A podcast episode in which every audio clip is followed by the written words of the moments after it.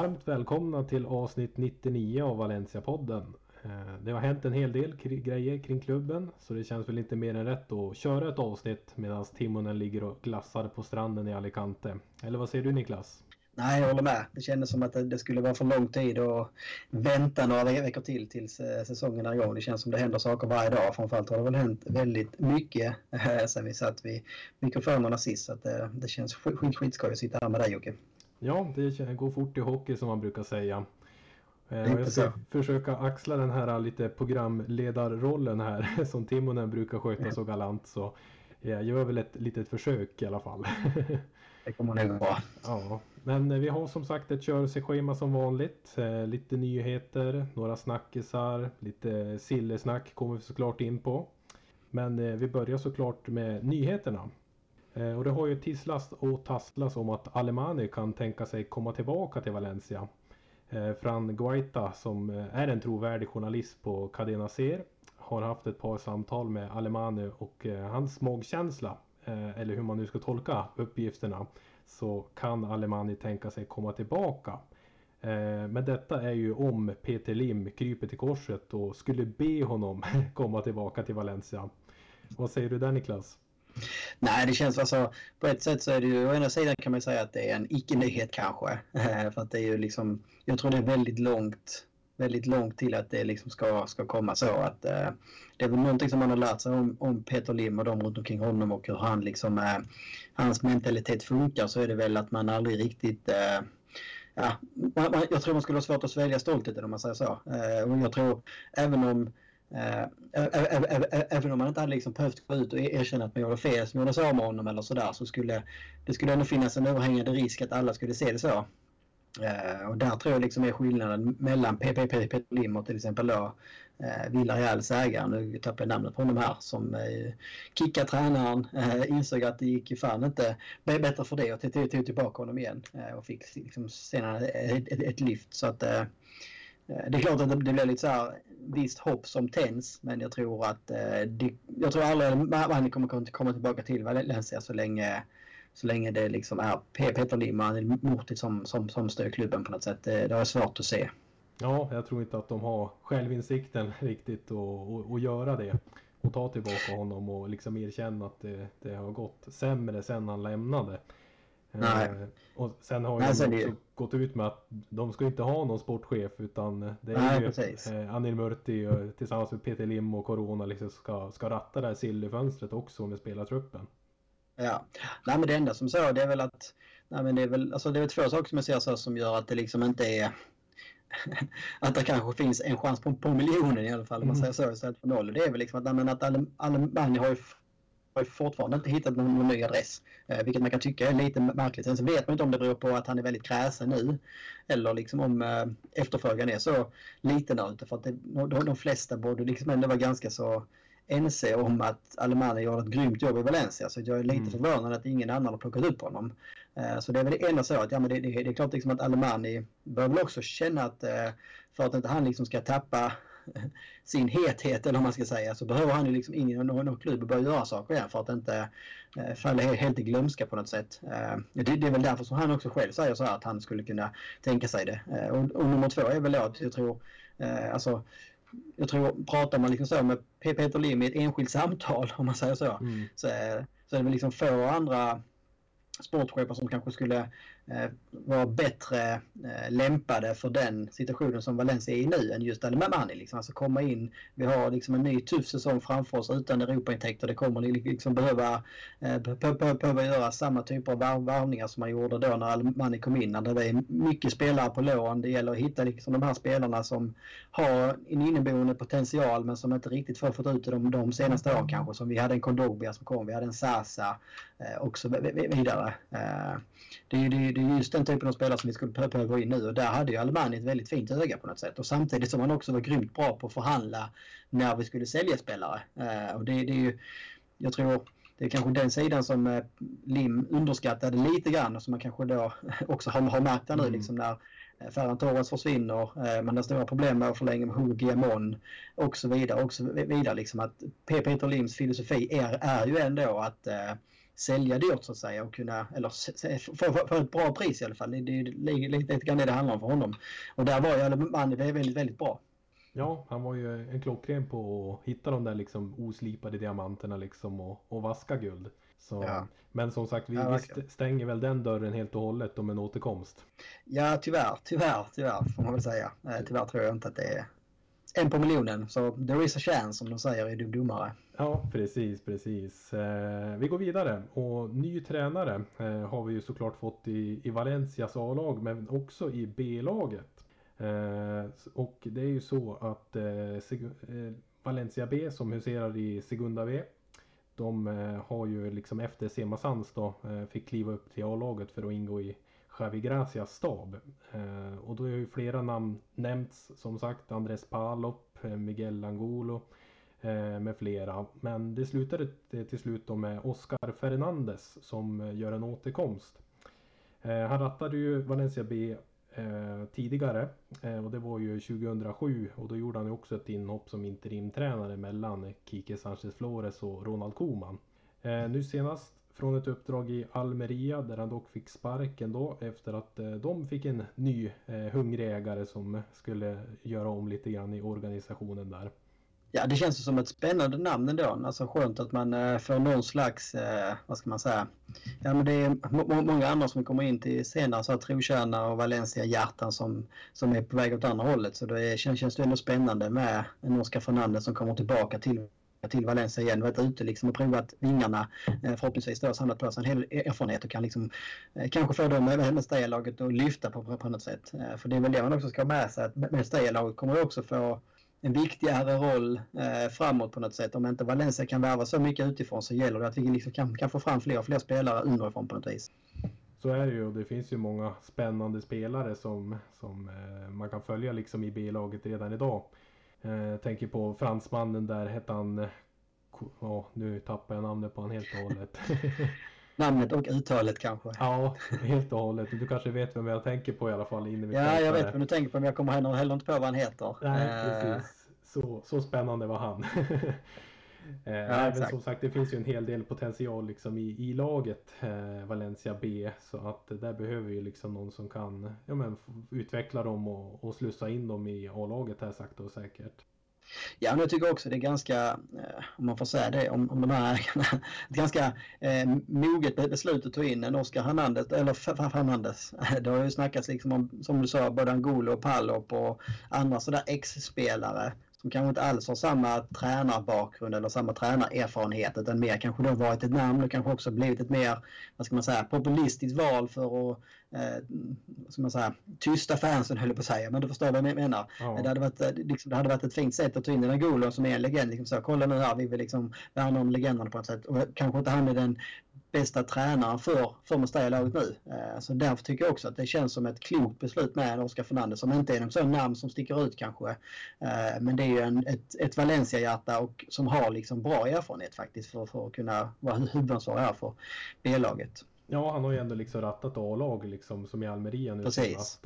Vi, vi har ju liksom en tradition också att ha gamla stora spelare som tränare i B-laget. Vi hade väl Coro Torres och Baraja och med flera liksom som har varit där. Ja. Eh, och Kuba Kondredi, det var där skon klämde. Så heter han ju inne vid fällan där som jag är lite spänd på. Men det finns ju såklart flera med Esquerdo och Gureiro som vi fick se på vänsterbacken här också nu mot eh, ligaavslutningen. Ja. Nej, men det, det, känns spännande och det känns som det också kanske blir en li, li, liten nystart för, för Mestalla-laget. Det har varit li, li, lite skakigt här de senaste åren med tränare hit och dit även om eh, Renaissance kom in och, och, fick väl hyfsad ordning på, på, på, det så känns, känns det ändå liksom kanske som att man, man, man behöver börja om och börja liksom om på en, på en, på en seriös kula på något vis. Exakt, exakt. Och vi går vidare där också. Eh, igår så kom det uppgifter från Superdeport att eh, Rodrigo inte är en av spelarna som man vill sälja i sommar. Eh, och om han stannar så planerar klubben också erbjuda han en kontraktsförlängning. Eh, idag sitter ju Rodrigo på ett kontrakt till eh, sommaren 2022. Vad tror vi om den då, kovändningen? Ja, det känns alltså... Det var som det började med, det svänger snabbt i hockey. Rodrigo är väl den som liksom så varit närmast och var, var bra på väg ut två somrar i rad. Och det är väl han som liksom alla snackat om det där vi ska kunna casha in li, lite grann. Och den här sommaren när man då samtidigt snackat om att nej, i stort sett alla spelare till salu så kommer då helt plötsligt några uppgifter om att nej, Rodrigo är ändå de som liksom ska stanna, han är inte till salu. Så blir man så vad, vad är det som händer? Vad fan vad, vad sysslar ni med i stort sett? Ja. Uh, och det, ja, jag vet inte. Jag vet inte riktigt hur man tänker på ett sätt. Uh, för jag menar, Rodrigo är väl ändå en av dem. Vi vet ju sen innan att det är ungefär 100 miljoner som vi behöver in. Rodrigo är väl en av dem som skulle liksom kunna ge en hyfsat bra summa av dem. Sen så är ju Rodrigo också eh, i rätt miljö och på rätt humör, höll jag att säga, en väldigt liksom, bra spelare. Och, och, det finns väl en del ledaregenskaper som vi tyvärr kanske sett alldeles för sällan. men det finns ju, alltså potentialen och högstnivån i Rodrigo är ju jättehög. Det är ju liksom en, en landslagsspelare. Eh, men eh, ja, jag vet inte riktigt om jag, hur mycket jag, jag, jag, tror på det här att han inte är en av spelarna som, som, som, som man kommer sälja i sommar. Eh, men eh, jag, jag väl, välkomnar ju samtidigt liksom honom med, med, med, varm hand och öppet hjärta att stanna. Eh, där det känns väldigt tryggt om vi kunde liksom ha en anfallsuppsättning med Rodrigo och Maxi Gomez även kommande säsong. Det känns liksom som att eh, kan man få li, lite lugn runt omkring allting och liksom få, för, få spela ihop sig så tycker jag att det känns som en väldigt spännande anfallsduo. Ja, det hade ju varit super ifall man kunde få behålla båda de två liksom. Och, ja, men kanske de två som startspelare och så göra sig av med ja. Gamero och Sobrino liksom. Och föryngra liksom där på tredje, fjärde anfallaren istället. Ja. Så det hade man ju tagit alla dagar i veckan. Men eh, som du säger är jag också skeptisk till att eh, Rodrigo liksom inte är till salu om man säger så. Men ja. skulle man få liksom, ja men in ett bud på en mellan 35-50 miljoner euro. Det, det, då skulle de ju liksom jubla tror jag liksom och tacka ja direkt. Eh, ja, för det är väl, det är väl få andra spelare liksom i truppen som har den prislappen idag egentligen. Eh, uh, sådär på rak arm så känns det liksom som... Det är klart att... Och det är också så. Skulle man, skulle man nu göra så att nej, man, man säljer inte honom i sommar, man förlänger kontraktet så känns, det också som att nej, men, då kommer han ju vara kvar över Valencia alltid. Eller då, då, då kommer liksom, det, det, det, kommer i alla fall aldrig bli någon stor försäljning av honom. Det känns som det är nu eller aldrig. Han börjar komma upp i åren och eh, har ändå haft nu en och en halv säsong där han inte gjort det superbra kanske. Så är det, så är det. Eh, och Anel Murti var ju ute och vevade igen under eh, Xavi Gracias presskonferens eh, och förklarade ju då att utöver Meritons Youth Policy som vi har eh, läst om allt möjligt på Twitter om Eh, Eh, så finns ju en tanke om att ha kvar och köpa spelare med erfarenhet också som kan bidra till de ungas utveckling. Och det kallar han ju Veteran Players Who Push Youth. vad, vad säger vi om det? Nej, det här, alltså hela det här youth policyn som de har eh, kan vi väl göra ett eget avsnitt om kanske. Så jag vet inte om det är lönt att kommentera det ens. Eh, jag menar allt, bara det, det som hänt de senaste två veckorna här att man liksom inte lyckats förlänga kontraktet med, med Ferran Torres som kanske är den största talangen de senaste 10-15 åren och tvingas i stort sett rea ut honom till City säger väl allting liksom om väl den policyn fungerar. Eh, samtidigt som man då har en Hugo Guillemot som man också liksom helt sketet i att förlänga kontraktet med. Eh, sen helt plötsligt så får han chansen i A-laget och man ser liksom vilken potential det finns och då liksom får man bråttom att förlänga. Så det känns som det hela den här ungdomssatsningen, eh, det finns liksom inget seriöst med det egentligen. Eh, eh det här med veteraner som ska liksom då pusha ungdomarna, det, det är väl ett ganska så ja, rimligt koncept. Eh, det känns liksom som att de, det kändes som att Annie försökte få det till att det var något unikt på något sätt. Men det, det är väl ganska, så logiskt tycker jag. Det funkar ju sällan liksom bara att ha 11 juniorer eller talanger i laget. Utan du behöver ju liksom ha lite stabilitet och, och, och, och, balans runt omkring för att det liksom ska få ihop ett bra lag på något sätt. Så att den tanken är väl ändå någorlunda smart. Sen, sen man, man, man, man, man se vad, vad för typ av spelare det till sist liksom landar i. Eh, du vill, du vill ju kanske ta in då en en Negredo för eh, 40 miljoner eller vad det var, 30 miljoner mm. eh, som ska vara den här veteranen. Utan det, är för liksom, det är inte där vi vill lägga pengarna för vi har ju lärt oss, hoppas man ju, att, att, investera i de här äldre spelarna det är ju liksom bortkastade pengar om de inte levererar. Eh, för du får aldrig tillbaka no, någonting för det på något sätt. Nej, utan det ska ju i sådana fall vara liksom en, ja, men en fri transfer, liksom någon 30-plussare som, som ändå liksom har, har någonting att ge så att säga. Där är det ja. liksom rimligt kanske att, hitta spelare men att lägga storkovan liksom på, på Negredo-spelare det, det ser jag helst inte att vi gör. Nej, och helst ska det ju vara också att de har liksom rätt personlighet på något sätt. Att de vill, eh, alltså, att de vill komma in och vara, alltså vill, vill vara med och eh, utveckla de yngre spelarna och vara en ledare för dem. Jag tror inte Negredo kanske, nu är det kanske dumt också att vi bara slänger honom under bussen, men det är ett väldigt bra exempel. Där, där, där finns många, många andra som också kommit in. Eh, men jag menar som äldre spelare, det är inte alla äldre spelare som heller liksom helt kanske köper den rollen att nej men jag ska vara med här jag har liksom en dubbel roll i laget. Den ena, den ena rollen är liksom att vara ledare och lyfta fram de yngre. Den andra är att försöka leverera som spelare. Eh, det är liksom inte helt givet att bara för att du blir 30 plus så är alla veteranspelare ledare. Så det gäller att hitta rätt liksom i, i, eh, i rekryteringen där. Och där har det kommit upp ett spännande, eller väl ja, oväntat namn kanske. De, det var väl framförallt idag under eftermiddagen som detta Eh, ryktet blossade upp om eh, eh, gamle keepern Pepe Reina. Ja, det, det var väl liksom... Det kändes väl som direkt taget ur liksom den här tesen eller hans filosofi på något sätt. Ja, eh, sen om, vet man ju inte liksom. Sen kan man säga vad man vill. Reporter liksom bara så snappar, snappar upp det. Ja, nu måste vi leta någon veteran som är tillgänglig på marknaden här liksom. Spansk. Ja, precis. och slänger in han bara. Det vet man väl inte riktigt. Men eh, ja, absolut. Pepe Reina liksom skulle såklart bidra med erfarenhet. Det, det har han ju liksom en lång lista av. Eh, men som sagt ska han då liksom gå in som någon, ja, och stötta eh, en Xiaomi till exempel. Ja, jag tror inte liksom han är, han är väl inte gratis heller liksom i, i lön ska vi tro. Han är ändå välmeriterad om man känner att han liksom har någonting kvar att ge. Eller vill han bara komma liksom och runda av karriären liksom och bryr sig inte så mycket om pengarna längre efter åren i, ja nu senast i Premier League då liksom. Men eh, annars liksom stora, stora framgångar i Liverpool och så vidare och Napoli.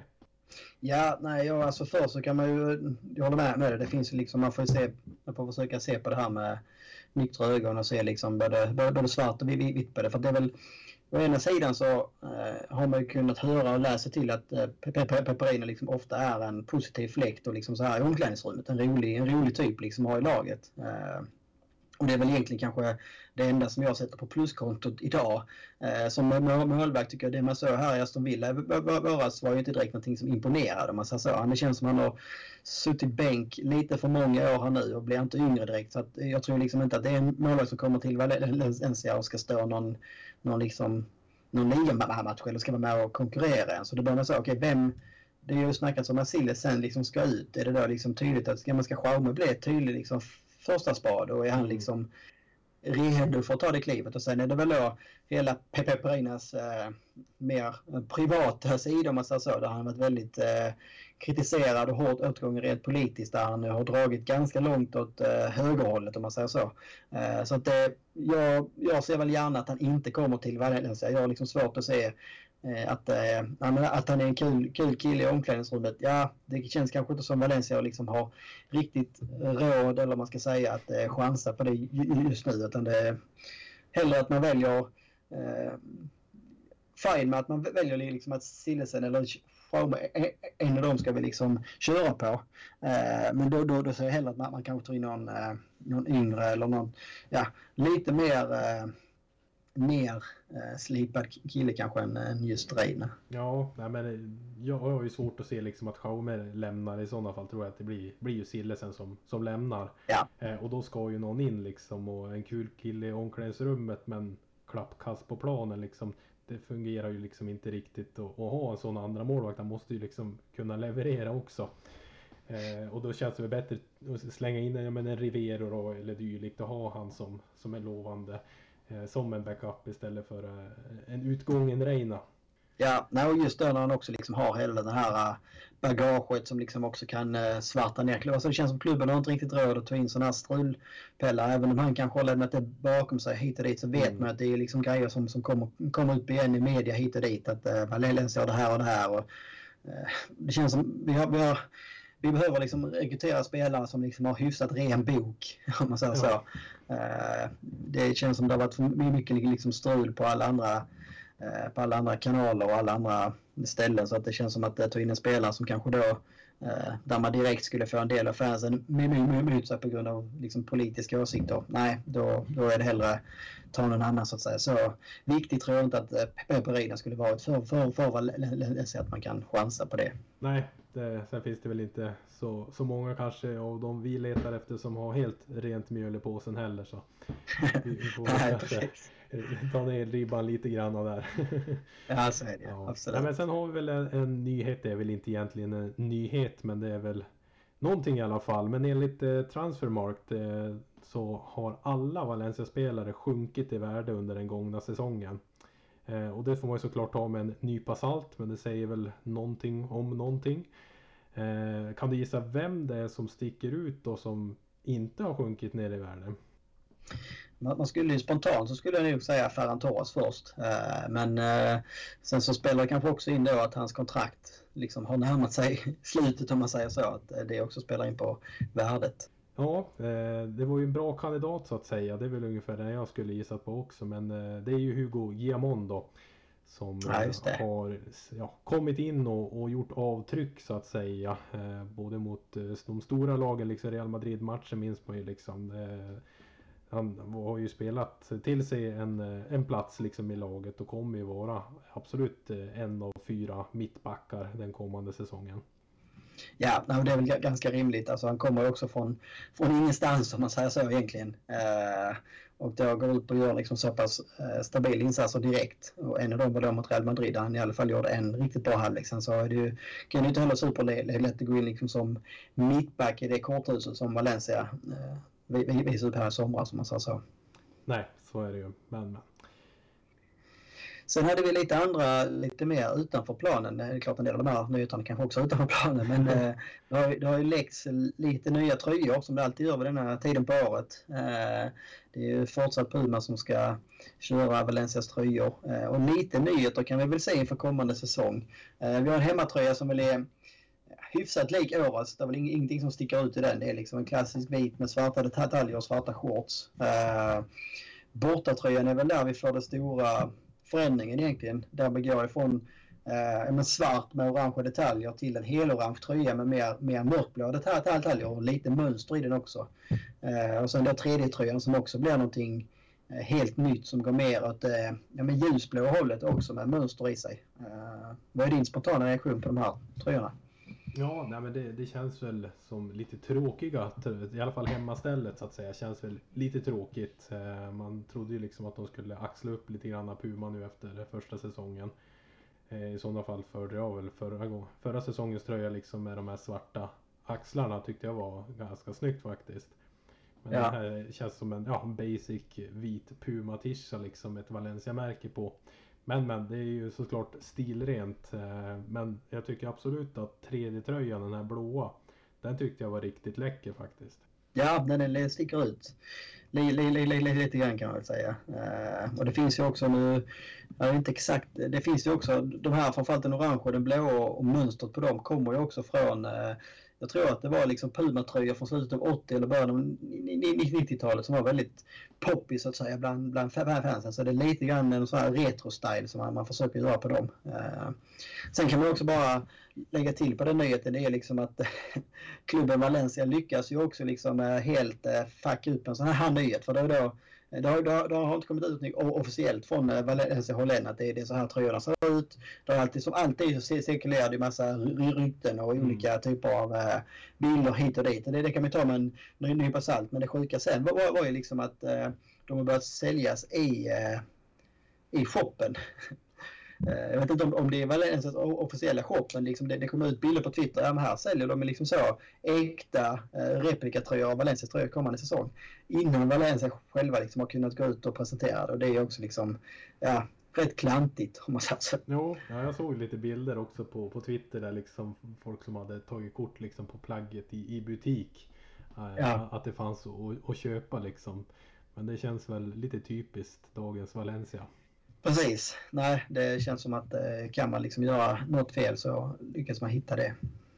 Så är det. Eh, sen hade vi en eh, liten sista nyhet här på nyhetssvepet. Det var ju Paco eh, Camarasa. En riktig trotjänare och ikon eh, som har varit verksam i Valencia sedan 13-årsåldern och har varit i klubben i över 40 år. Eh, och har väl också sett som en av de här sista eldsjälarna inom liksom närmast laget eh, på något sätt. Han har spelat över 250 matcher för klubben och sen han slutade spela så har han liksom jobbat som delegat för A-laget. Och en riktig sån här one club man. Eh, han har då fått sparken nu. Eh, också ja, det är, liksom, det är väl ganska tydligt att eh, det, det, det man, det man liksom håller på att göra är att få bort alla som hade någon slags liksom nära relation med Marcelino. Eh, för det, det kom ut redan i höstas när eh, Marcelino fick gå så gav ju i stort sett eh, Valencia Camarasa kicken men det blev ett jäkla liv i omklädningsrummet för han var väldigt, väldigt, väldigt populär hos spelarna så att de, de är tvungna att ta tillbaka beslutet där. Eh, och då kommer det nu istället. Eh, och jag läste också precis, precis här innan liksom att eh, tydligen så hade han varit på eh, sommarledighet tillsammans med Marcelino här för några veckor sedan. Eh, och att han tror då själv liksom, att det var väl det som fick bägaren att rinna över eh, på något sätt. Och det är ju också liksom rykten så här att han har fått beskedet från någon säkerhetsvakt inom klubben som bara liksom gått och sagt att du får typ så här packa ihop dina grejer, töm ditt skåp eh, och liksom gå ut bakvägen. Mm. Eh, vilket också är, ja men det är ju liksom, det är som en riktig kniv i ryggen på liksom en riktig eldsjäl. Att han kan få ett fint, alltså fine att folk liksom får, får, får, får gå hit och dit. Eh, sen så kan det bli ibland att man, liksom vill göra någon om, omstart och man vill göra hit och dit. Men han hanterar då sådana här typer av personer på ett helt annat sätt. Det är ju liksom eh, Ja, det är horribelt. Ja, men att han sen han ska behöva liksom gå ut liksom i, i media och, och, ja, jag tror att jag fick sparken på grund av det här. Det, ja, nej, exakt. För en sån här liksom ikon liksom och eldsjäl. Ja. Det, det, är ju liksom så patetiskt så det finns ju inte. Eh, och det här alltså coronapandemin i all ära men Marcelino-viruset. Där, ja. där snackar vi liksom så många har blivit ja, smittade av liksom. De skyr ju Peter Lim som pesten. Så han fortsätter ja, blir... rensa upp här framöver också. Man blir också så förvånad liksom alltså, att inte det är någon som liksom fattar eh, vad ska man säga, alltså någon liksom rådgivare som förstår att nej men sparkar ni, alltså en sak är att, att ni sparkar honom, fine, eller fine, men det, liksom, det, det, det, det, kan ni höra, men tänk igenom hur ni gör det. Men liksom, det är precis som att, aha, att det skulle bli sån här stor uppståndelse kring det, att vi liksom bara slängde ut honom genom bakdörren på, på, på något sätt. Alltså, att, att man inte har någon rådgivare som liksom fattar det. Det är super, alltså du har en person som varit 40 år i klubben, klubben som varit 20 år i sin, sin, sin roll, som är super liksom, eh, populär och tajt med spelarna, framförallt kanske då med Annie Parejo som verkar liksom vara en nära vän. Mm. Eh, att man då sköter det på det här sättet, det är liksom Alltså, jag, jag, jag blir bara så förvånad att man lyckas liksom bygga ett sånt eh, företagsimperium med, med liksom noll känsla för sådana här saker på något sätt. Ja, det är ju fruktansvärt. Det är ju som om de blir chockade. Oj, bryd, brydde sig folk ja. om honom liksom? Ja, han som ja, var 40 ja. år liksom. Ja, ja, vi trodde så... bara vi kunde smyga ut det. Ja. Uh, nej, det är horribelt. Nej, så illa, så illa. Yes, eh, men det var väl nyheterna så vi drar väl igång en jingel och fortsätter strax. Ja, då var vi tillbaka. Nu tänkte vi ju prata lite grann om eh, den eh, heta potatisen, elefanten i rummet som det väl alltid är denna tiden på året. Lite grann omkring silly season. Eh, vi tänkte börja med en del eh, lyssnarfrågor. Vi slängde ju ut ett litet eh, rop på hjälp på Twitter och fick in eh, mycket, mycket, mycket bra frågor och många bra diskussionsämnen där vi ska försöka eh, samla ihop så många vi kan i alla fall. Vi börjar med en från eh, Johannes Alin som undrar det här eh, ryktena om eh, David Silva och Juan Bernat. Eh, vad har vi på det egentligen? Ja, det, det är ju två spelare som eh, är på G in då enligt eh, franska Paris United-tidningen där. Eh, och det är ju Juan Bernat eh, och den andra återkommer vi till strax då i Silva där. Men Juan Bernat, det känner vi ju alla till hans förflutna i, i Valencia med, och, med flertalet säsonger på en stor scen i, i Bayern München och nu senast i PSG. Eh, han sitter ju på ett kontrakt som går ut nästa sommar med PSG så det är väl lite deras läge att, att casha in då om de ska göra det på honom. Är väl en 27-28 år om jag minns rätt någonstans där kring. Men eh, känns det som en dels en överflödig gubbe i ett Valencia liksom med, med Gaia liksom som är cementerad. Kanske också kapten till sommaren. Eller ja nu när säsongen drar igång, vem vet.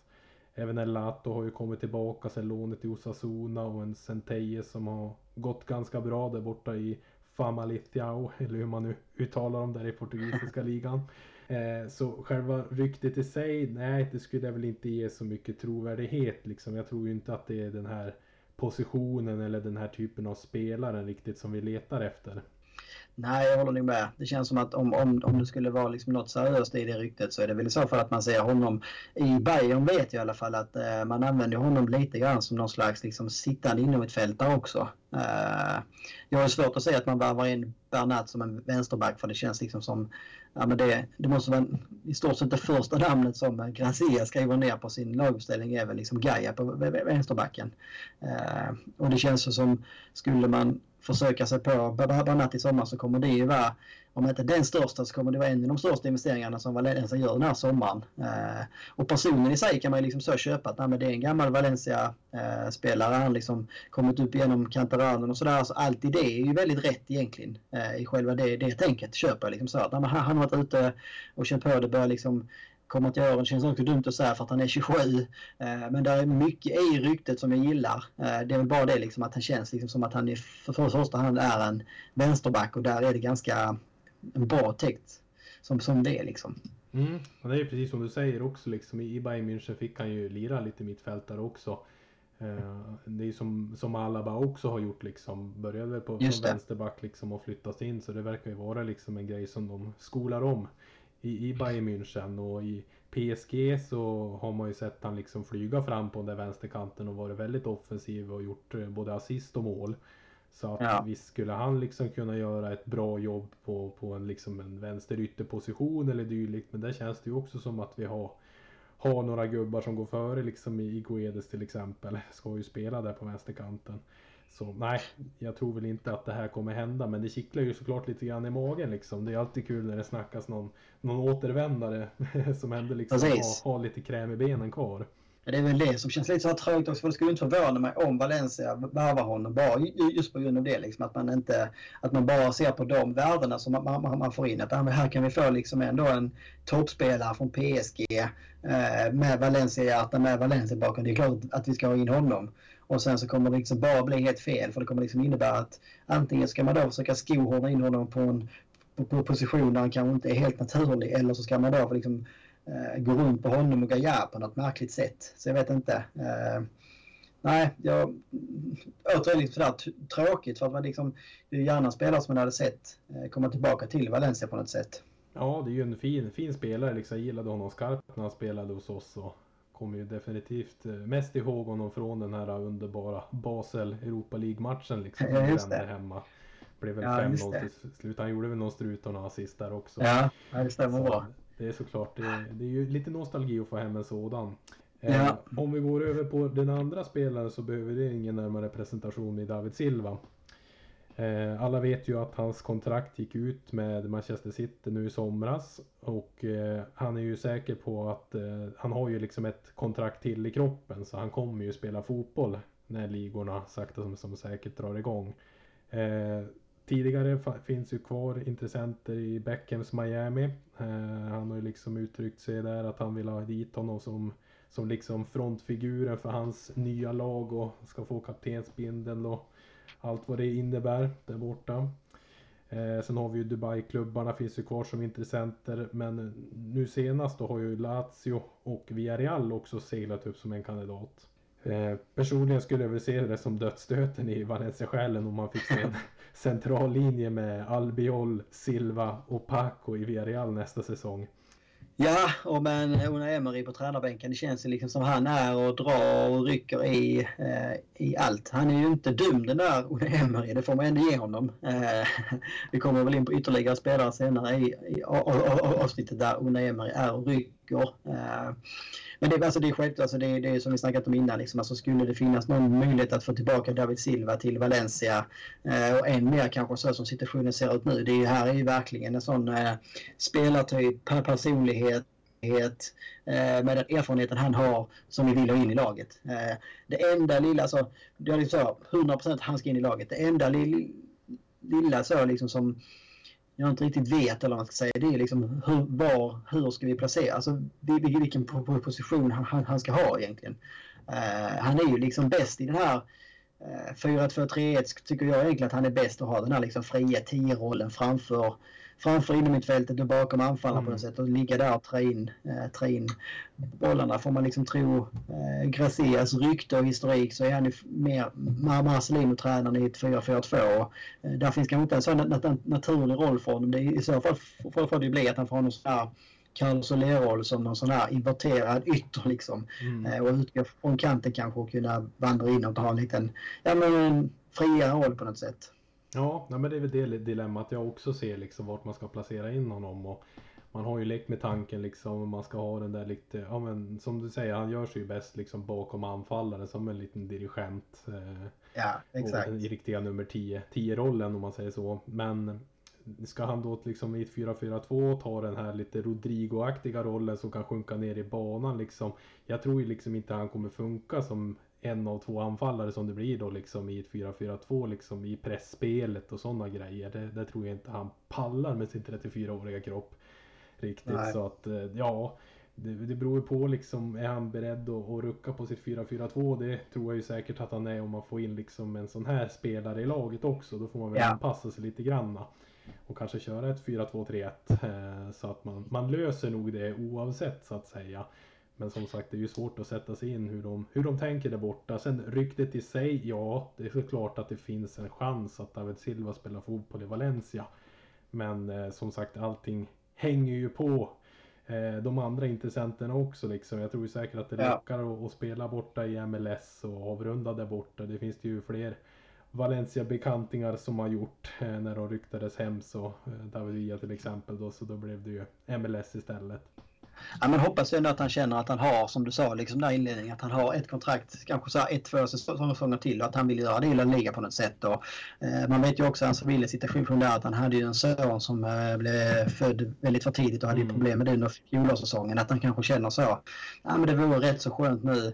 Eh, sonen är väl ett, två år nu kanske. Ta, ta två år hemma liksom, i, i Spanien, i Valencia. Eh, liksom känna att han får liksom tryggheten med det, att han liksom vä- växer upp nära familjen och sådär. Sen kanske man, man, man då tar ett äventyr i Miami eller Dubai eller i Asien eller vad, vad, vad, det, kan bli som liksom så här sista lilla äh, gräddet på mosen på karriären liksom, innan han då bo- bo- bo- bosätter sig någonstans där han vill vara på något sätt. Mm. Eh, och jag är den första som liksom så här förde in Dav- David Silva och liksom Ja, men bygg laget kring, kring honom. Alltså jag är en 4-2-3-1 älskare in i döden. och tycker att Valencia ofta spelar som bäst. När man, har, man har ofta fått bra framgångar när man, när man har kört det. Eh, Och kunde man liksom sätta det hyfsat tidigt här på sommaren. Alltså så här, du sätter Silva, du sätter liksom, ja, men 4-2-3 ska vara utgångsläget. Liksom. Ja men då är det kanske då är det ju ännu mer så att jobba för att behålla åtminstone Coquelin eller, eller eh, Kondobia. Eh, för de är ju klockrena liksom, i den här tvåan om man säger då. Ja. Eh, och sen så då ett annat, det är ju huvudförvärv i Herrera som vi kommer in på mer sen. Ja men de två där bakom med David Silva, ja men då har vi liksom ett mittfältsnav centralt som ser väldigt spännande ut med liksom en blandning av eh, El Mago och liksom hans fötter och, och liksom kreativitet och er- er- erfarenhet och Kondobia som vi vet vad han kan göra och då en ung spännande spelare sidan om.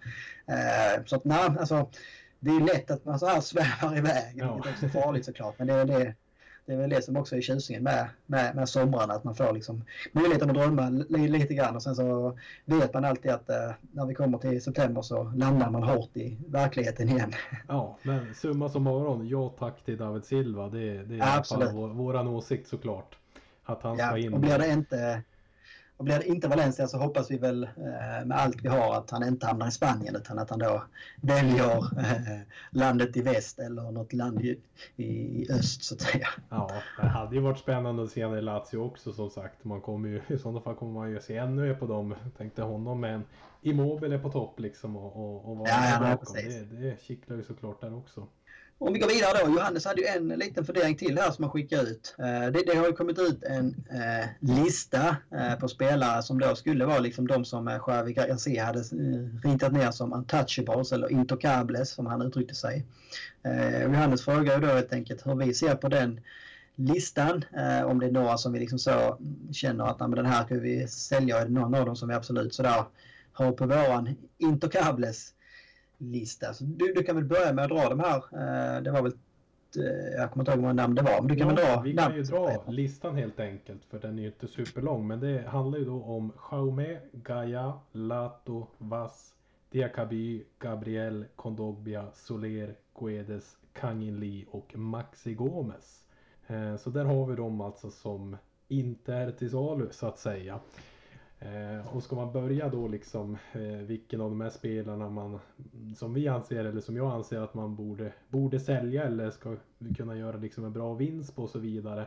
Så, så landar man ju såklart i en, en Kondogbia till exempel. För han, han är ju liksom, vad ska jag säga, några år yngre än, än Coquelin liksom. Det finns säkert eh, stor, det finns, har ju funnits intresse liksom från Premier League-klubbar. West Ham vet jag ju bland annat har varit intresserade utav honom. Så där tror jag ju säkert att man skulle kunna göra en bra affär så att säga. Och då, då vill man ju såklart inte sälja Coquelin då. Nej, jag håller med. Sen, alltså, för jag vet ju när den här kom ut så blev det så här, men hur kan man liksom ha Vass eller hur, hur, hur, hur kan de ha Diakabi på en sån lista hit och dit? Och det var det man får ta med med så här att dels så kan man ju tydligt se liksom att jag brukar säga, jag kan bara så här, jag, jag, tror så här, jag tror ingen är untouchable. Det är väl också det som så här initierade journalister som skrev att alla är till salu i Valencia nu. Mm. Det är det kanske då kan, kan, kan Gili som liksom så, man vägrar sig. Ja. Eh, annars så tror jag så, jag tror ingen är liksom 100% untouchable. Jag tror att det här är liksom de så, ja men eh, Garcia fick då 10 eh, namn. Printa ner 10 namn, liksom, vilka prioriterar du? Då, då, då, då får man också med sig att dels så handlar liksom så, ja, men det, det handlar om eh, status, ledarskap, det handlar liksom om, om lönen, det handlar liksom så mm. eh, hur populär är de hos fansen, Eh, Eh, och det handlar liksom om någon slags balans i laget och balans i lagledaren. För det, det, det, kan man ju tydligt se här. Nej, men han har ju skrivit ner Gaia och Lato. det är två ytterbackar. Eh, liksom hyfsat eh, charmer också. Liksom så. Alla de, de tre hamnar i den kategorin Valencia-själar. Och det, det, är väl det som också är smart att bygga det här nya projektet omkring. Liksom. Du har då en charme, Gaia, Lato. Eh, du har en eh, Carlos Soler. Eh, till viss del då kanske en Kangili som har varit med i Valencia länge och då liksom på något sätt förhoppningsvis som då bortsett bortsett kan, kan, kan in kanske, men som har Valencia hjärtat på något sätt. Diakabi och Gabriel kan också liksom att du kan inte eh, kasta ut fem mittbackar och varva in fem nya. Så, eh, säg vad, vad, man vill om de, de, de två, att det kanske liksom inte är de, de sådär stabila. Så man, man vet vad, vad, vad, vad, man får och kanske att man också kan eh, förädla det lite grann på något sätt med lite lugn och ro. Eh, och kanske man kan få in någon, eh, någon liten trygg pjäs sidan om dem så att säga. Eh, mm. så kan, det, kan man få ihop det. Samma sak med Kondogbia. Jag tycker också, alltså, jag blev väldigt förvånad när liksom ryktas om att både Coquelin, Kondogbia och Parejo alla var liksom eh, på deras väg ut. Vilket kändes konstigt att slänga ut hela inomhutfältet. Eh, men att behålla antingen Kondogbia eller Coquelin. Jag kan köpa på ett sätt att, att man kanske inte har råd Eh, känner att man har råd i truppen kommande säsong att ha båda två kvar. För de är hyfsat lika spelare och inte mm. superbilliga. Vi har en säsong där vi inte kommer att spela lika mycket eh, matcher när vi inte ska ut i Europa. Så att det, en, en, liksom, det räcker med en sån spelartyp kanske. Då, fram, framförallt när det ryktas med en annan yngre på, på, på väg in. Eh, så li, li, listan i sig kan jag liksom köpa på något sätt. Eh, och, och, jag tror liksom att eh, om vi nu utgår från att de här spelarna kommer vara var, var, kvar så tror jag liksom inte, vi, om vi liksom avrundar säsongen här om ett år så tror jag inte att det alls är omöjligt att det är de här spelarna som har liksom också gjort flest starter för Valencia kommande säsong faktiskt. Ja, nej, men det, det ligger det mycket i så att säga. Sen har vi en Oros Rasic också som kommer tillbaka liksom på den där innermittfältspositionen eh, från ett lyckat lån. Eh, så där har vi också liksom en, en som kan komplementera liksom antingen då om Coquelin eller Kondogbia blir kvar. Så där har man väl lite täckning ja. så. Det är som du säger, jag förstår att man kanske vill göra sig av med en utav dem. Eh, om man då skulle kolla på de som absolut borde stanna så är det väl självklart liksom om man börjar bakifrån så är det ju Gaia.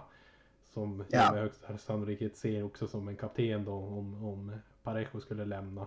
Eh, han ska ju bara vara kvar liksom. Det som vi nämnde tidigare är nog första namnet som kritas ner i den där startelvan. Ja. Eh, ja. Sen har vi också en Maxi Gomes och Carlos Soler som jag ser gärna stanna kvar. Eh, Maxi var ju liksom en investering också för framtiden. Är ju fortfarande ung liksom och har ju liksom ett öga för mål. Så honom ska ju ingen köpa. Han ska ju vara kvar. Är inget snack om saken. Nej, det håller med. Han ska få minst en säsong till liksom att kunna bevisa sig. Ja, och sen då om vi leker med tanken att Parejo försvinner. Vi har kvar en Carlos Soler som kanske äntligen då får lite utlopp liksom och få spela mer centralt i en mer naturlig Soler-position än ute på en kant.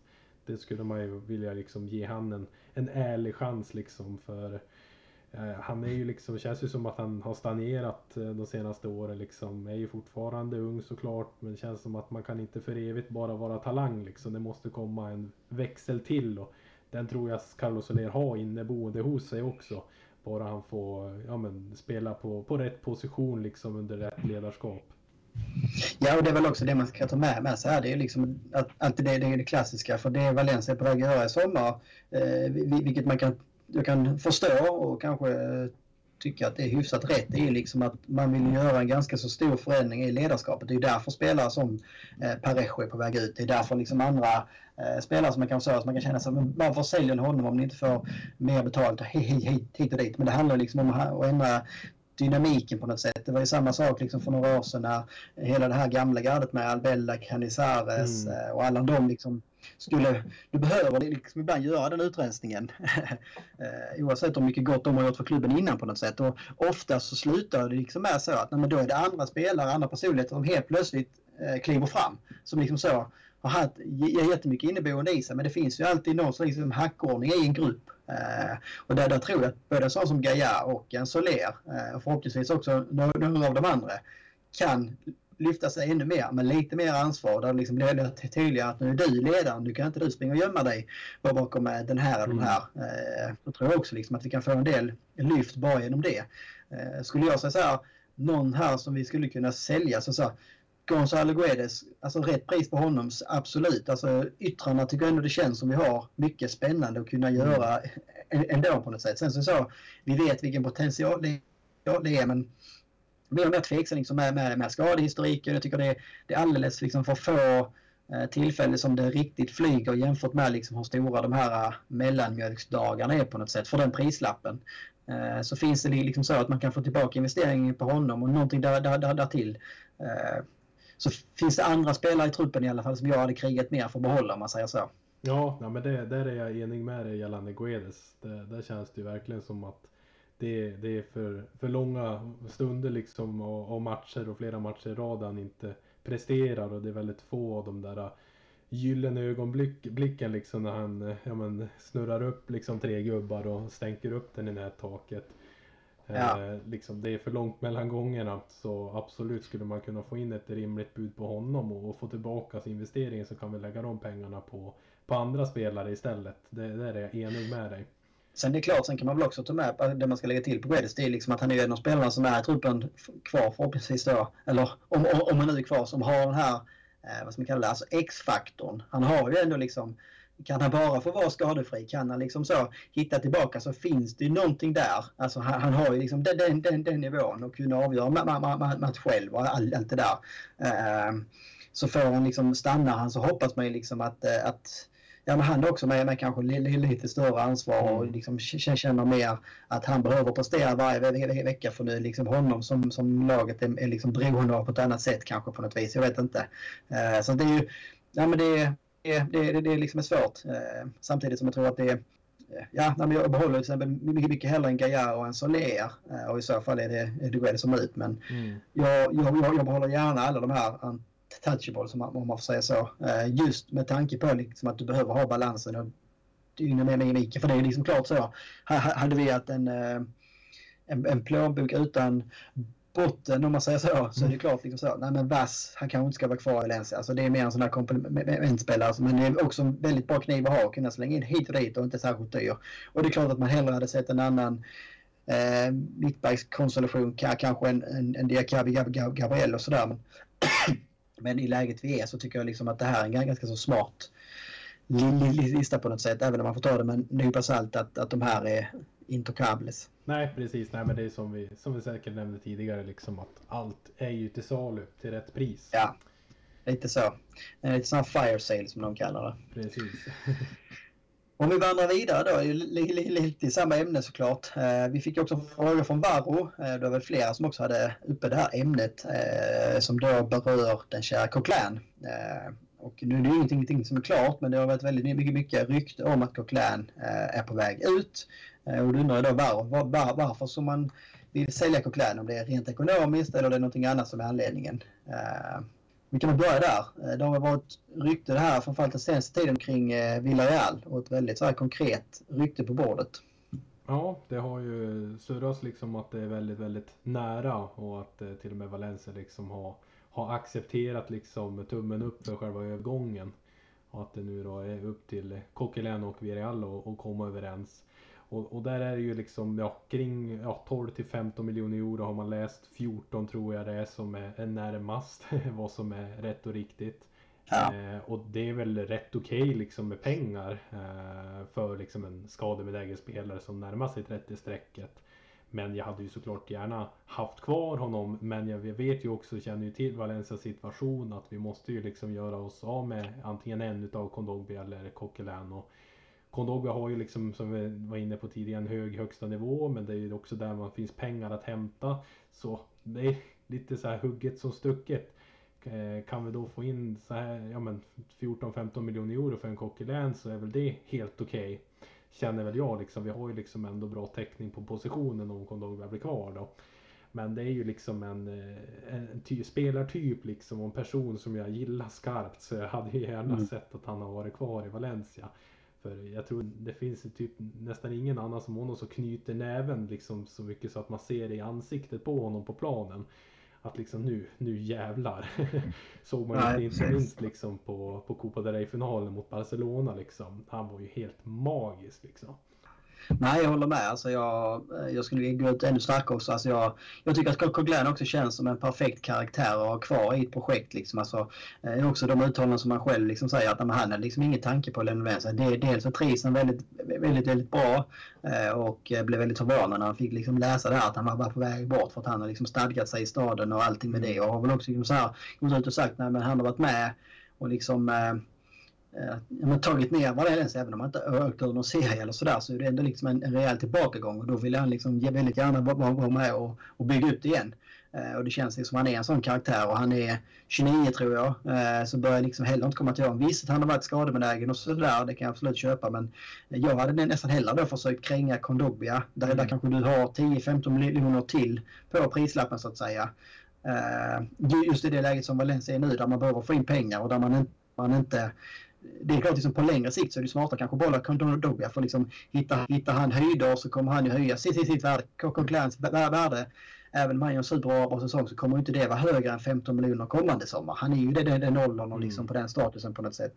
Eh, så det andra jag också känner så här omkring allt det här det är så här. Ja, men om man nu väljer att sälja honom, varför ska du sälja honom till Villarreal? Varför ska du släppa honom till liksom en direkt kon kon konkurrent? Och då liksom ska du göra det så ska det ju vara då ska det inte vara ett okej bud. Då, då ska det liksom vara ett bud som du inte kan säga nej till. Alltså det måste ju finnas Premier League-klubbar eller vad som helst som liksom skulle vara intresserade av Frökläder och kunde betala i alla fall samma pengar på det. Vi, vi behöver ju inte förstärka Villarreal på något sätt. Alltså jag tycker det Nej, jag blir väldigt, väldigt liksom upprörd av att det, det, det är så många affärer som det känns som man är på väg att göra med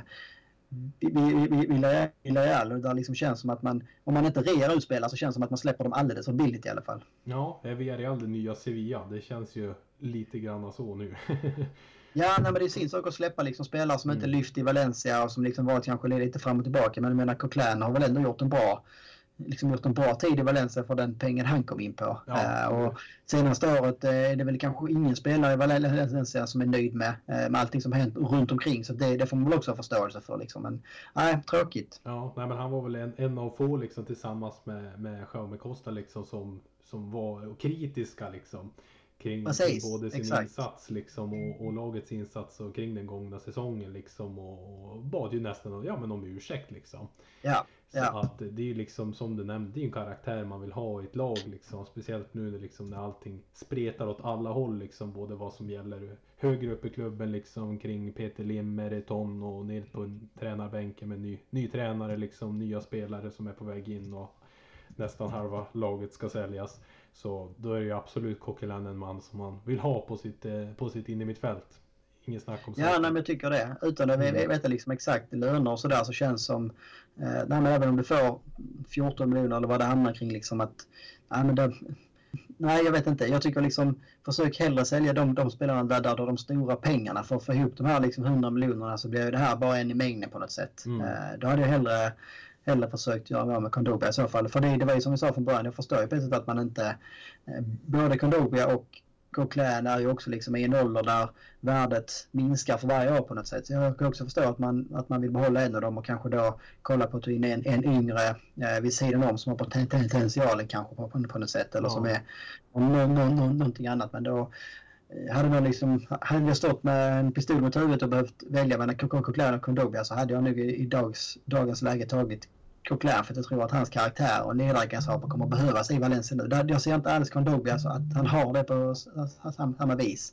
Visst när han har en bra match Kondobia så kan han liksom vara en pådrivare och ledare med, genom sitt spel. Men jag tror Coquelin, eh, får du in liksom många yngre spelare i Valencia Valencia nu så behöver du någon, någon som ryter på dem ibland och som liksom så, eh, ser till att alla liksom håller sig inom ramen och gameplanen på något sätt. Det var bra sammanfattat min vän. Kunde inte sagt det bättre själv. Vi går vidare till en annan innermittfältare och det var ju vår kära poddkollega Marcus Timonen som skickade ut det här. Det var väl också samma här. Eh, många som pratat om det här och det är då Parejo out. Eh, ja, vad blir det med det egentligen? och då, vem kliver i så fall in? Vem ska bli kapten? Eh vi kan väl börja där kanske. Ja, eh, det har väl jag spoilat min kandidat i, i Gaia liksom redan där till vem som blir kapten då. Men som sagt lite background story liksom. Det, det hör, hör väl alltid hit så att säga. Men han har ju liksom varit i hetluften hela tiden. Känns det ju som ända sedan Marcelino fick sparken och kanske till och med innan dess. Eh, Parejo och Peter Lim drar ju inte jämt. Det är ju ingen hemlighet. Eh, och enligt det man har kunnat läsa till har ju liksom Lim tröttnat helt och hållet på Parejo nu. Och att han eh, är ju en av de som backar upp Marcelino mest. Vilket också har fått bägaren att rinna över då. Eh, och när den nya tränaren då, Xavi Gracia, fick frågan gällande Parejo på presskonferensen. Då duckade han ju direkt eh, och, och sa ju liksom att det, det är ju ett problem som klubben tar hand om. Ja. Så redan där hör man ju liksom det är ett problem som klubben tar ja. hand om gällande Parejo. Eh, Parejo själv har ju gått ut med han och familjen trivs i Valencia. Han skulle kunna tänka sig spela resten av sin karriär här. Men att ja, i fotboll vet man ju aldrig vad som händer säger han ju också. Men det är väl, alltså, om vi bara kort ska kommentera det, så är det väl Parejo är ganska sådär med märkt slutet här att han, han är ju väldigt glad för att använda sina sociala medier själv också. Mm. Eh, och han liksom, han, eh, utan att liksom förringa honom så spelar han ju på helt rätt eh, strängar här. Liksom. Han går ut och säger så här att han trivs och han vill inte lä lämna. Det gör ju liksom att eh, han blir mer, mer populär bland fansen på något sätt, som man säger så. Eh, och det blir också liksom att sätta press på Lim och de här. Liksom att Parejo kommer liksom inte vara tyst längre utan eh, ska de eh, sälja honom så ska det liksom vara, vara tydligt att det, det är inte han som vill lämna. Eh, vilket jag tycker, all respekt för det. Jag, jag tycker det liksom är bra på något sätt att, eh, att han liksom då tydligt vill visa på att när man ska sälja så är det Lims beslut och det är mest liksom troligen på grund av att eh, jag har eh, för tajt relation med Marcelino. Sen, sen tycker jag att, att det finns andra anledningar att sälja Parejo. Alltså, eh, det är supersvårt med, med, med Parejo eftersom att vi inte har haft någon bra ersättare i truppen och jag tror att Parejo hade kunnat ha en betydligt högre eh, jämnare högsta nivå om vi hade hittat och använt en eh, rotationsspelare mer, mer på honom. Jag tror liksom att det är det som också, han, han, han får ju spela alltid, han får spela varenda minut och det är klart att då blir jag också sliten. Eh, och jag tror också att ibland att den här lagkaptensbilden har suttit väldigt, väldigt hårt och tungt på hans arm. Mm. Vilket gör att, att, att, det går ut över hans spel på något sätt. Eh, så det, är liksom, det, det, det, det går ju super mycket att se eh, Parejo framför sig i, i, i en annan tröja och göra det superbra kommande säsong där han kanske då inte får spela varenda match och där han inte har den här kaptenspressen på sig utan bara kan fokusera på sitt spel. Mm. För liksom Parejos bra dagar, ja men då är han liksom en toppspelare i La Liga. Ja, då går han in på vilket mittfält som helst nästan ju. Så att ja, i stort sett. Ja. Där finns ju liksom potentialen. Så, så pass bra är han ju liksom. Och när han flög då måste man väl ändå säga under Marcelino. Där kändes det som att han hittade rätt liksom både kanske med kaptensbindeln liksom och, och, med spelet på planen så var han ju riktigt bra under Marcelino. Ja. Som sagt, sen har det ju gått som en djup dal det där och som du säger med kaptensbindeln, jag tror det nästan hämmar honom mer att bära den. Eh, känner pressen liksom att gå ut och göra de här uttalen liksom när man har spelat så fruktansvärt dåligt, idélöst liksom. Ingen vill kämpa eller någonting. Och så går man bara ut på Twitter och skriver liksom så här. Ja, ah, vi förlorar idag, vi kommer igen, vi är starka, vi är Valencia och så vidare. Ja. Jag tror ju liksom att han vill inte ha den rollen liksom i ett sjunkande skepp som Valencia. Jag tror inte riktigt han pallar liksom med det och, och vända den biten. och få med sig spelarna på det. det. Det tror jag inte riktigt att han gör.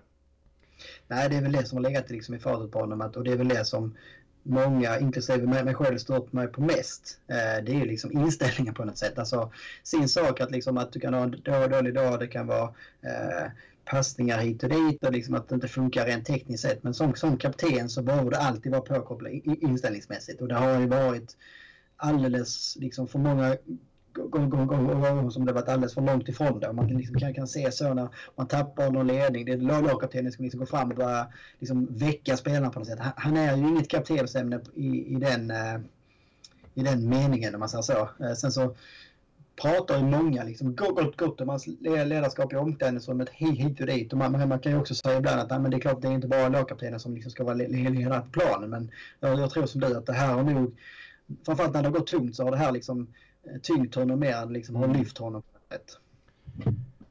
Och vem är det då som kliver in då? Om vi återgår till Timonens fråga så att säga. Om Parejo försvinner. Vem kliver in och tar den rollen? Är det ett nyförvärv eller ser du liksom någon i, i laget som kliver in?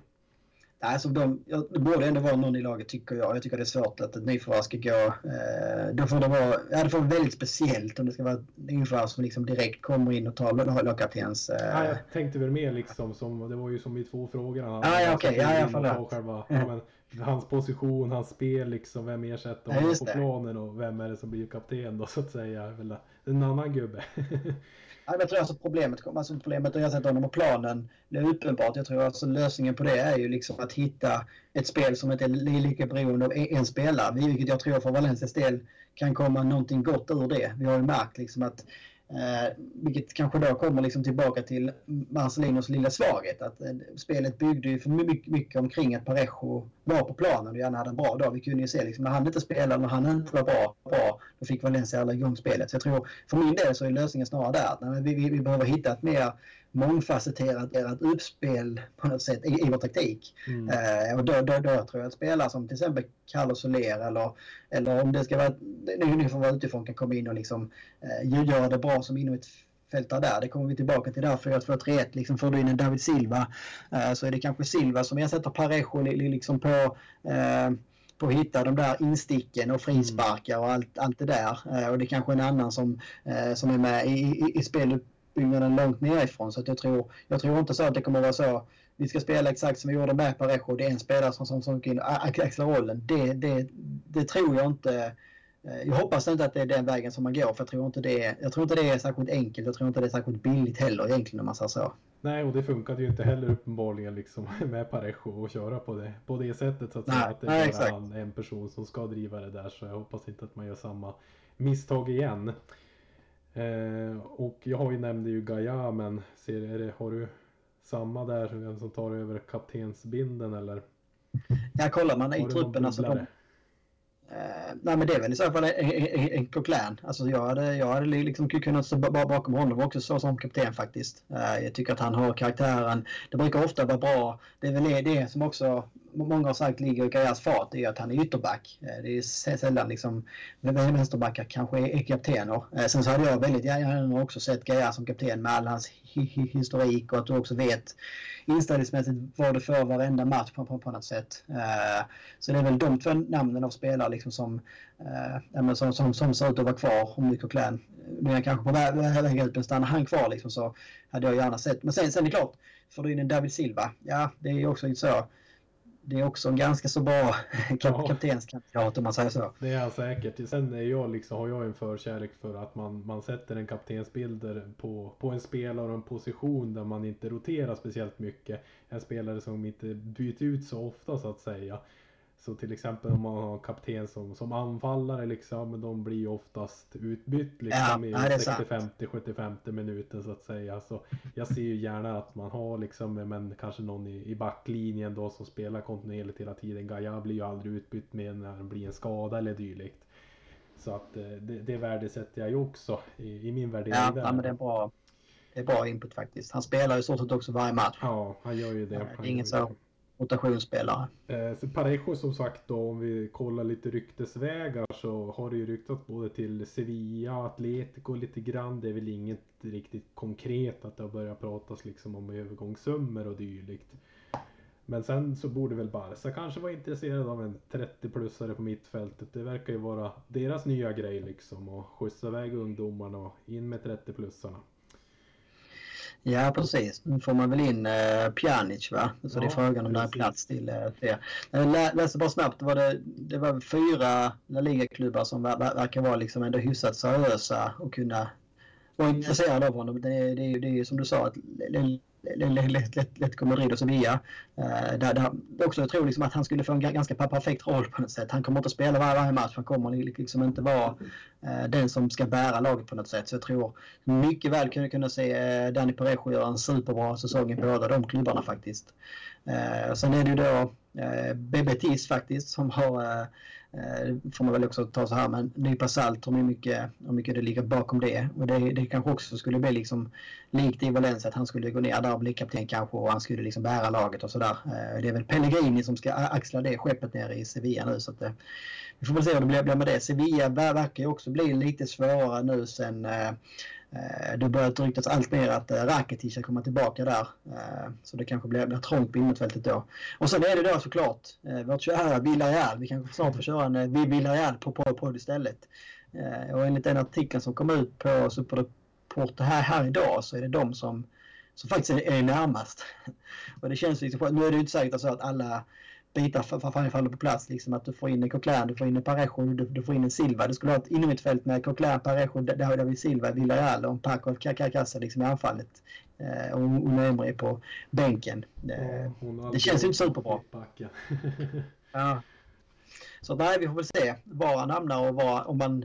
Det kändes liksom så i början av sommaren så kändes det så här, nej men nu är det klart, nu, nu liksom ska han ut. Det var en del uttalanden hit och dit. Man kände liksom att han börjar mindre och mindre bry sig om att vara politiskt korrekt eller om man ska uttrycka det. Mm. Eh, sen har det väl mer och mer blivit här, har jag själv gått nu och sagt liksom att nej, han stannar gärna och eh, det har liksom inte varit någon sådär superheta konkreta bud på honom känns det som. Så att, eh, vi får väl se här nu när, eh, när en del andra affärer som säkert tagit tid har blivit, blivit klara.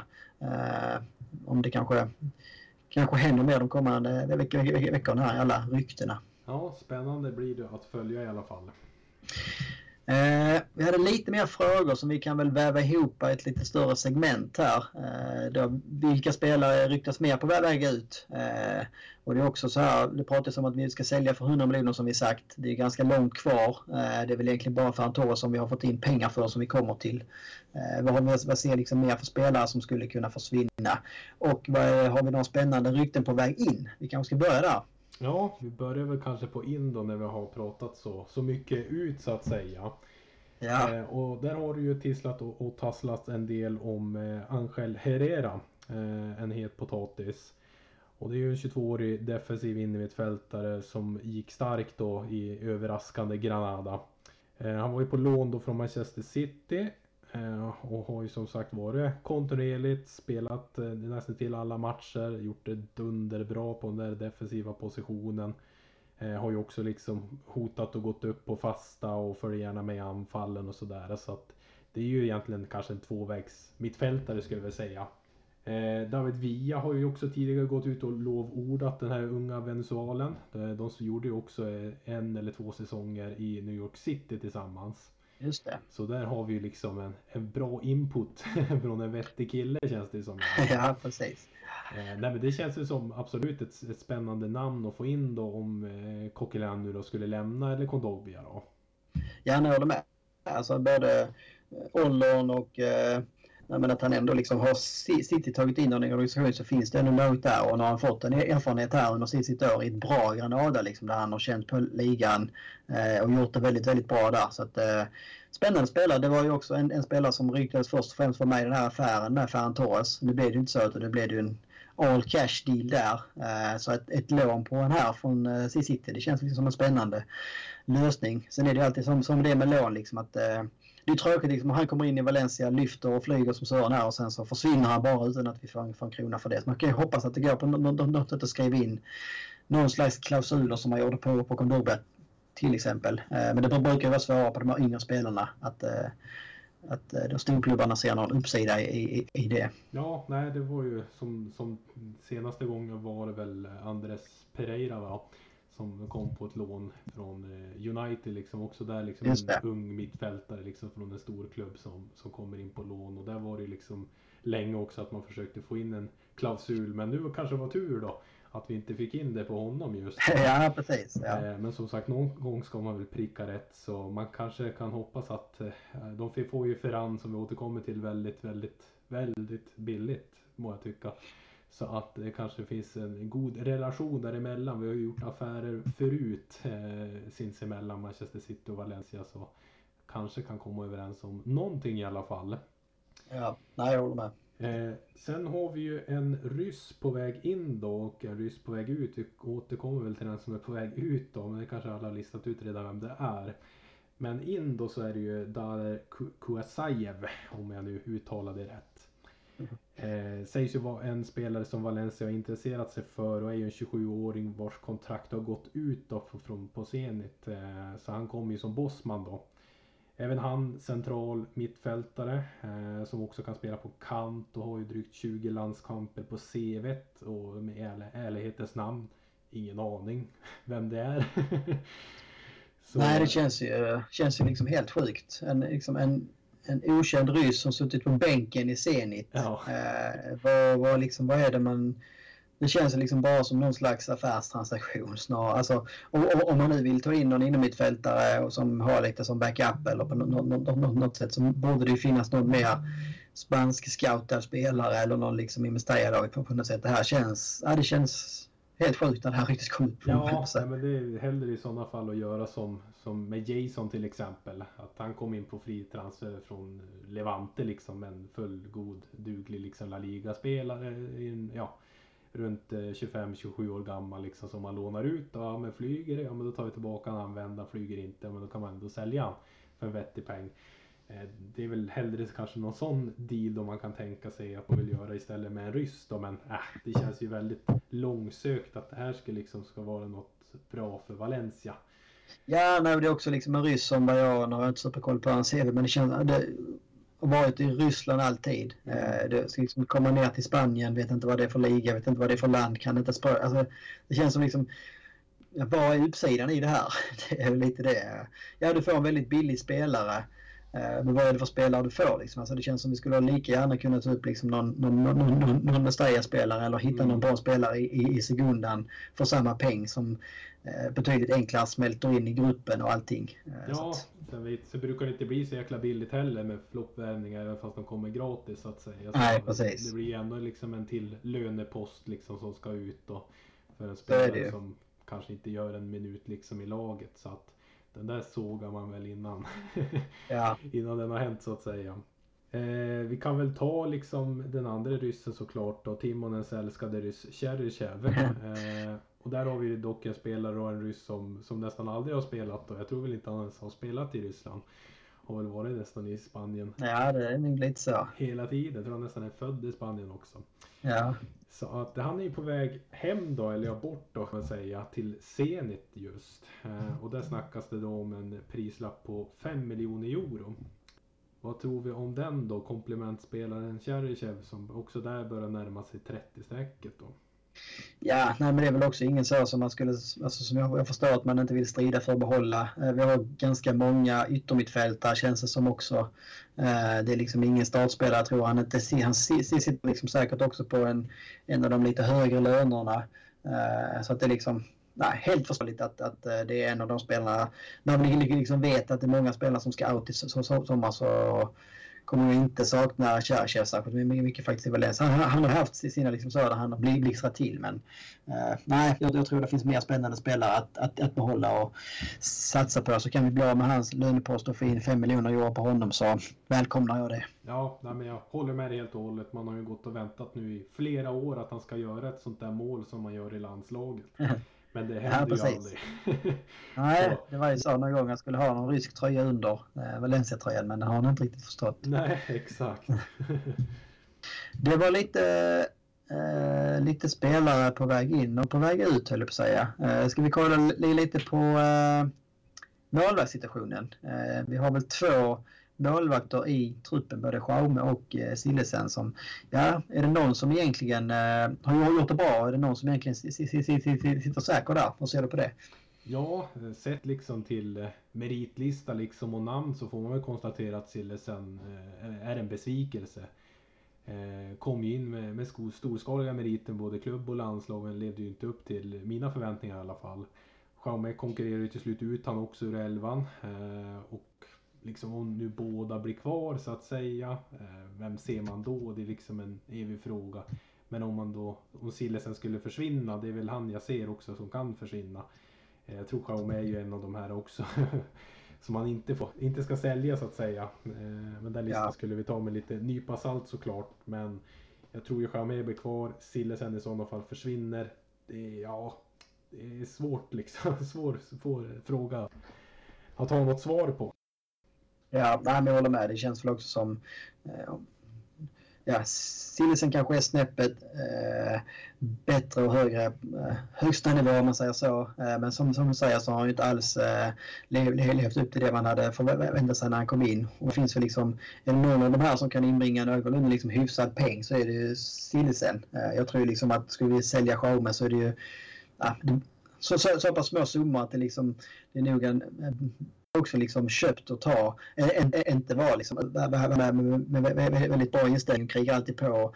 Eh, är nu ledare om Valencia-hjärta så att säga. Så att jag, tror, jag, jag, jag, tror det är bra att behålla den typen av karaktärer om man säger så. Sen blir det intressant att se liksom, om man då säljer Sillisen. Eh, tar man de pengarna och köper in en ny keeper eller, eh, eller plockar man upp då liksom en Rivero eller något som andra keeper? Ja, jag ser ju liksom inte att Xiaomi liksom ska ha första spaden. Eh, det ser jag ju liksom inte hända. I sådana fall så ser jag hellre liksom att man tar in eh, en, en bättre målvakt än honom och jag tycker han liksom är ju den perfekta andra målvakten. Sen får man ju också väga in Valencias situation. Vi är ju liksom inget topplag, det är ju bara att konstatera. Vi är en mittenklubb i dagsläget. Eh, kanske inte har råd liksom att ha en bättre målvakt heller än Jaume. Och visst, vi skulle säkert kunna harva oss fram liksom en eller två säsonger med Jaume som första keeper och Rivero som andra målvakt. Men på sikt så hade man ju gärna sett liksom att det, det kommer in eh, en bättre liksom meriterad spelare som axlar rollen bättre. Ja, nej, men det känns som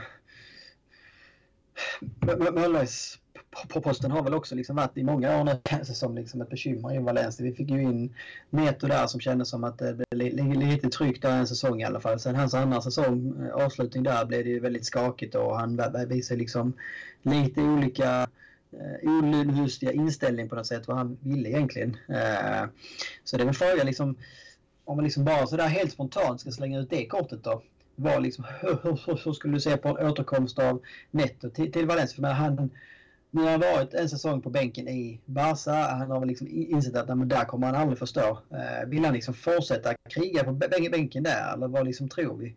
Eh, skulle det finnas någon öppning för att han skulle kunna återvända till, till, till Valencia? För menar, vi kunde ju ändå se, det är ingen perfekt keeper men vi är också i ett läge där vi kan inte, vi kan inte välja världsklass målvakter. I Neto skulle vi ändå veta ungefär vad vi får så att säga. Eh, och kunde man få honom för en billig peng så ett fasen om man inte skulle välkomna det kanske. Ja, du svarar nästan på frågan själv så att säga. Det, jag instämmer.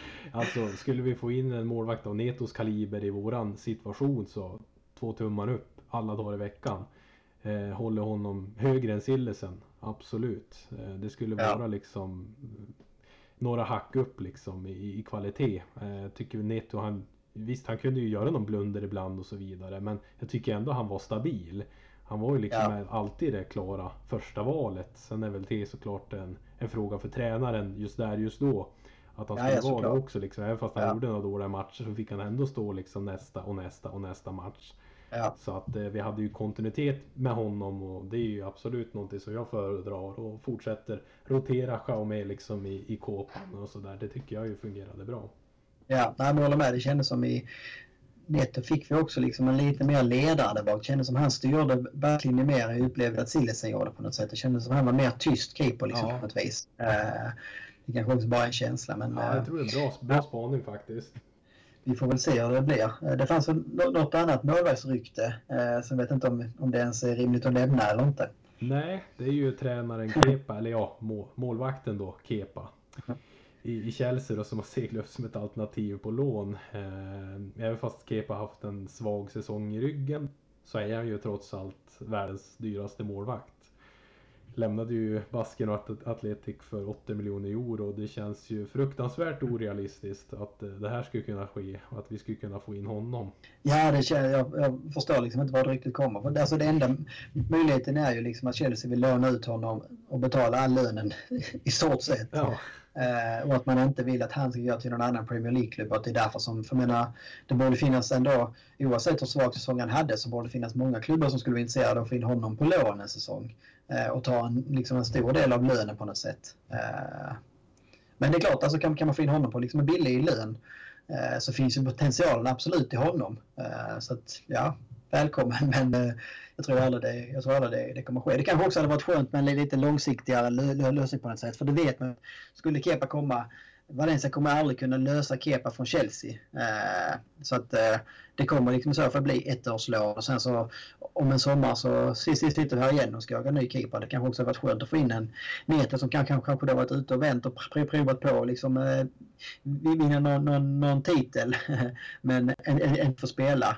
Eh, att han då kommer tillbaka och känner liksom att nej men nu är det, det är Valencia, det är första spaden som jag vill ha och nu vill liksom bli en mm. ledare och en, en viktig spelare här. Jag tror hellre, jag ser hellre den typen av värvning även om Kepa kanske är en bättre keeper.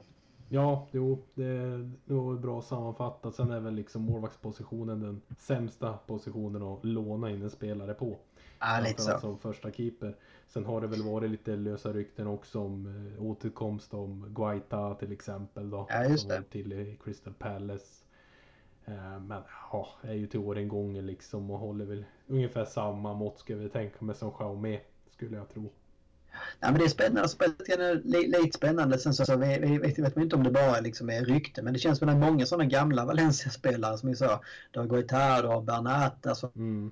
Inva. Man börjar kolla på sådana saker och det, alltså, det gillar jag ändå, själva den filosofin. Om det nu kommer från klubben eller det bara är liksom så här nyhetsankor, om man ska, kan kalla det det. Sen ja. så gäller det att ta hem dem ta hem dem i rätt läge. De ska fortfarande ha någonting att ge annars kommer det liksom bara bli eh, platt fall. Liksom. Alltså, David Silva till exempel, även om han är 34 år tror jag absolut att han har minst ett, två säsonger i sig. Men skulle han kommit hem om två år och bara liksom så, folk hade haft förväntningar och en bild av David Silva sen så skulle det falla helt, helt platt. Det var ju den lite grann den känslan man hade här omkring eh, David Villa när han var på väg tillbaka där när han var ute och vänt några vändor. Mm. Att eh, man var lite så, ja det är klart man alltid vill, vill se honom i Valencia igen men samtidigt skulle det vara orimliga förväntningar och skulle liksom hans hans rykte lite grann liksom fläckas ner av det på sätt. Men det är klart, med en sån spelare som Guita så finns det kanske inte så mycket rykte att fläcka ner. Nej. Utan där är det väl mer, äh, ja men är han liksom, är det rätt? Har han liksom den nivån högre än Jaume? Jag vet inte, han har väl gjort det bra i,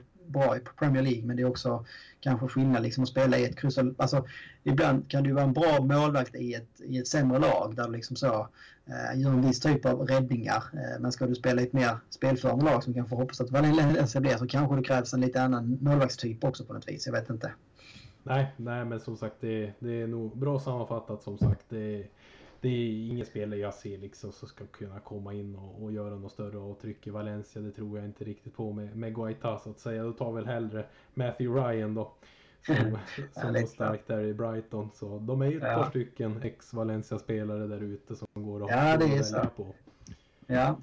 ja, men vi kan väl avrunda målvaktsgaten med det. Eh, innan vi lämnar hela det här Silly-stycket eh, så kom det lite sena nyheter om eh, den gode Sobrino. Ja. Vi kanske ska avrunda detta, denna lilla delen av kära, podden med det. Kära Golbrino säger. Nej men det var väl ungefär 10 minuter innan vi skulle spela in det så dök det upp uppgifter om att han är på väg tillbaka till Alaves. Javi Gracia har meddelat klubben att han inte liksom ingår i, i hans, eller ja, Lims planer. Eh, för den kommande säsongen då det känns väl lite mer än rätt liksom. Han har lyfte ju aldrig liksom. Kändes väl konstigt bara när han kom där i januari också. Lite överflödig och ja, inte någon direkt spännande ålder eller gjort något speciellt avtryck heller i Alaves. Så konstig värvning får väl ett konstigt slut. Ja, nej, verkligen. Eh, det var liksom så. Man hade några konstiga liksom där den våren där. Det var Sobrino och det var Roncaglia och det var liksom ja. lite så utfyllnadsspelare. Det var lite, kändes lite så panikvärvningar för att man skulle kunna rotera runt. Eh, men det har, inte, har aldrig riktigt lyft med Sobrino. och Det kändes aldrig som någon långsiktig satsning heller. Så det var på ett sätt märkligt kanske att han fick en säsong till. Så att det känns bara naturligt att han eh, vänder tillbaka till eh, en, en hylla som är lämplig för honom så att säga. Ja, och vi avslutar väl där med Golbrino och tar en jingel. Då har vi kommit in i den sista lilla delen av dagens podd, nummer 99 i ordningen. Eh, veckans snackisar kallar vi det. Eh, och jag tror att ingen av de här snackisarna kommer vara särskilt förvånande. Eh, det är också två snackisar som vi redan har nämnt flera gånger i podden innan. Eh, men det känns ändå som att eh, de är väl värda för sin egna segment. Så vi kan väl börja med den första, eller vad säger du Jocke? Ja, den ena utav de här snackisarna blev ju officiell för ett par dagar sedan, nästan en vecka sedan. Och den andra blev ju officiell just nu liksom medan vi spelar in då.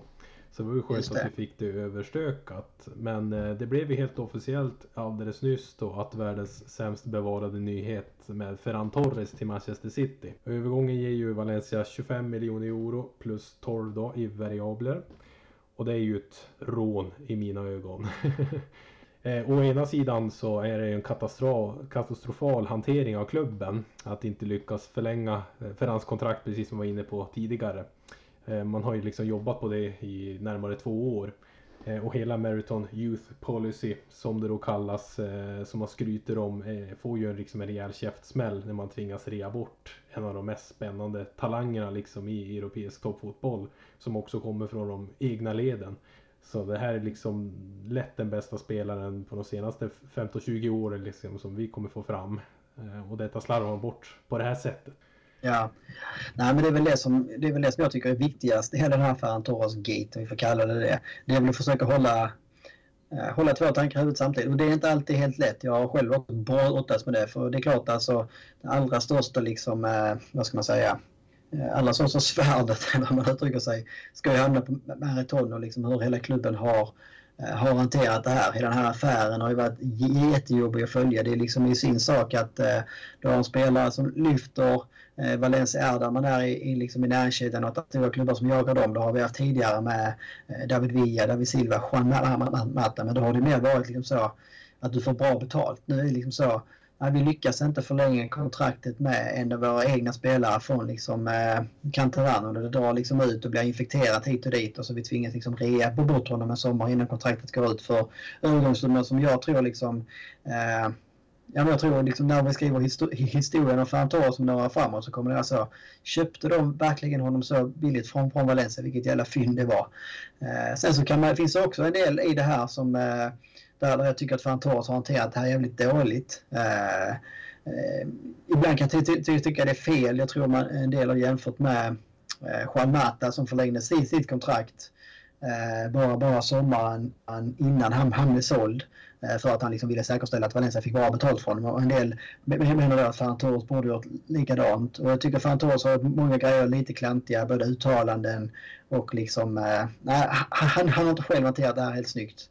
Å andra sidan så ska man också komma ihåg eh, liksom vad för typ av person han har att göra med. Han har liksom sett sett sin älskade klubb bli totalt eh, misshandlad eh, av liksom Marathon och Peter Lim. Så att, eh, eh, jag kan också förstå liksom han att eh, nej, men det handlar inte om att jag vill ge mer pengar till Valencia. Det handlar kanske om att jag inte vill ge mer pengar till PPPP, Peter Lim eller Eh, riskerar att hamna i en jävla rävsax. För jag tror att när Juan Mata förlängde kontraktet för att han ville ge Valencia mer övergångssummor så fick han ett löfte liksom att nej, men vi förlänger kontraktet nu men vi lovar att eh, kommer liksom de här, de här klubbarna så kommer vi, vi, vi släppa dig till rätt pris. Jag tror inte att Torres litar på Valencia faktiskt att, eh, att de skulle ge honom samma löfte på något sätt och därför så vägrar han skriva på. Så att otroligt, otroligt tråkigt att tappa liksom en sån diamant som fan tar oss på det här sättet. Eh, jag, jag tror att han har alla möjligheter, liksom, kommer han till en bra tränare i Pep, att kunna göra, bli riktigt, riktigt bra spelare. Eh, återstår väl att se liksom, om det här kanske är lite för stort steg för tidigt, men eh, väldigt, bara väldigt, väldigt trist allting. Ja, om man börjar liksom att bena ut det här med kontraktssituationen som har varit, där har du ju också men som med Mata till exempel, men då fanns det ju vettiga personer på plats också. Nu har vi liksom inte någon som har velat ta i det här ens. Eh, liksom kontraktssituationen. Men vi har liksom inte någon anställd liksom. Vi vet liksom inte vem är det som är ansvarig. Vem är det personer som han ska förhandla med. Det har ju liksom varit en cirkus hela den biten också. Så man har ju viss förståelse för Ferrano att han vill lämna liksom ett, eh, men ett sjunkande skepp om vi då ska kalla det så. Så det, det har man väl liksom inga problem med egentligen att en, ja men en spelare av Ferrans kaliber liksom och hans potential liksom letar sig någon annanstans än dagens Valencia. Det hade man ju köpt liksom om man hade hanterat det på ett bättre sätt. Eh, Ja. Om man liksom, om man går ut liksom och, och säger det klart han inte kan säga liksom rätt upp och ner vad han säger, tänker och känner hela tiden. Men liksom att han i alla fall hintar om att ja, men, han ser liksom inte sig själv som en Valencia-spelare liksom på grund av det här liksom att han inte ser liksom sin sin position liksom i, i truppen, i laget, liksom att han kan få liksom den här utvecklingen. Eh, då hade det kanske varit lite mer okej okay, liksom att lämna eh, under den flaggen. Istället för nu liksom blir det som att ja, men, han lämnar ett sjunkande skepp liksom i stycket. Han liksom, ja, men, skiter fullständigt i både hjärta och själ och ja, men, går dit pengarna finns då. För det fanns ju liksom starka intressen från Dortmund då, om vi ska prata liksom ett vettigt steg i karriären. Så hade väl det liksom Precis. varit ett eh, smidigare liksom steg att ta och, och flyga där kanske en, två säsonger innan man tar det här stora steget till Manchester City. För ja, summa summarum liksom är det ju fortfarande en talang då. Det är ju ingen spelare som sprutar in massa mål liksom som är någon Cristiano Ronaldo i yngre dag liksom på kanten som, som gör de grejerna.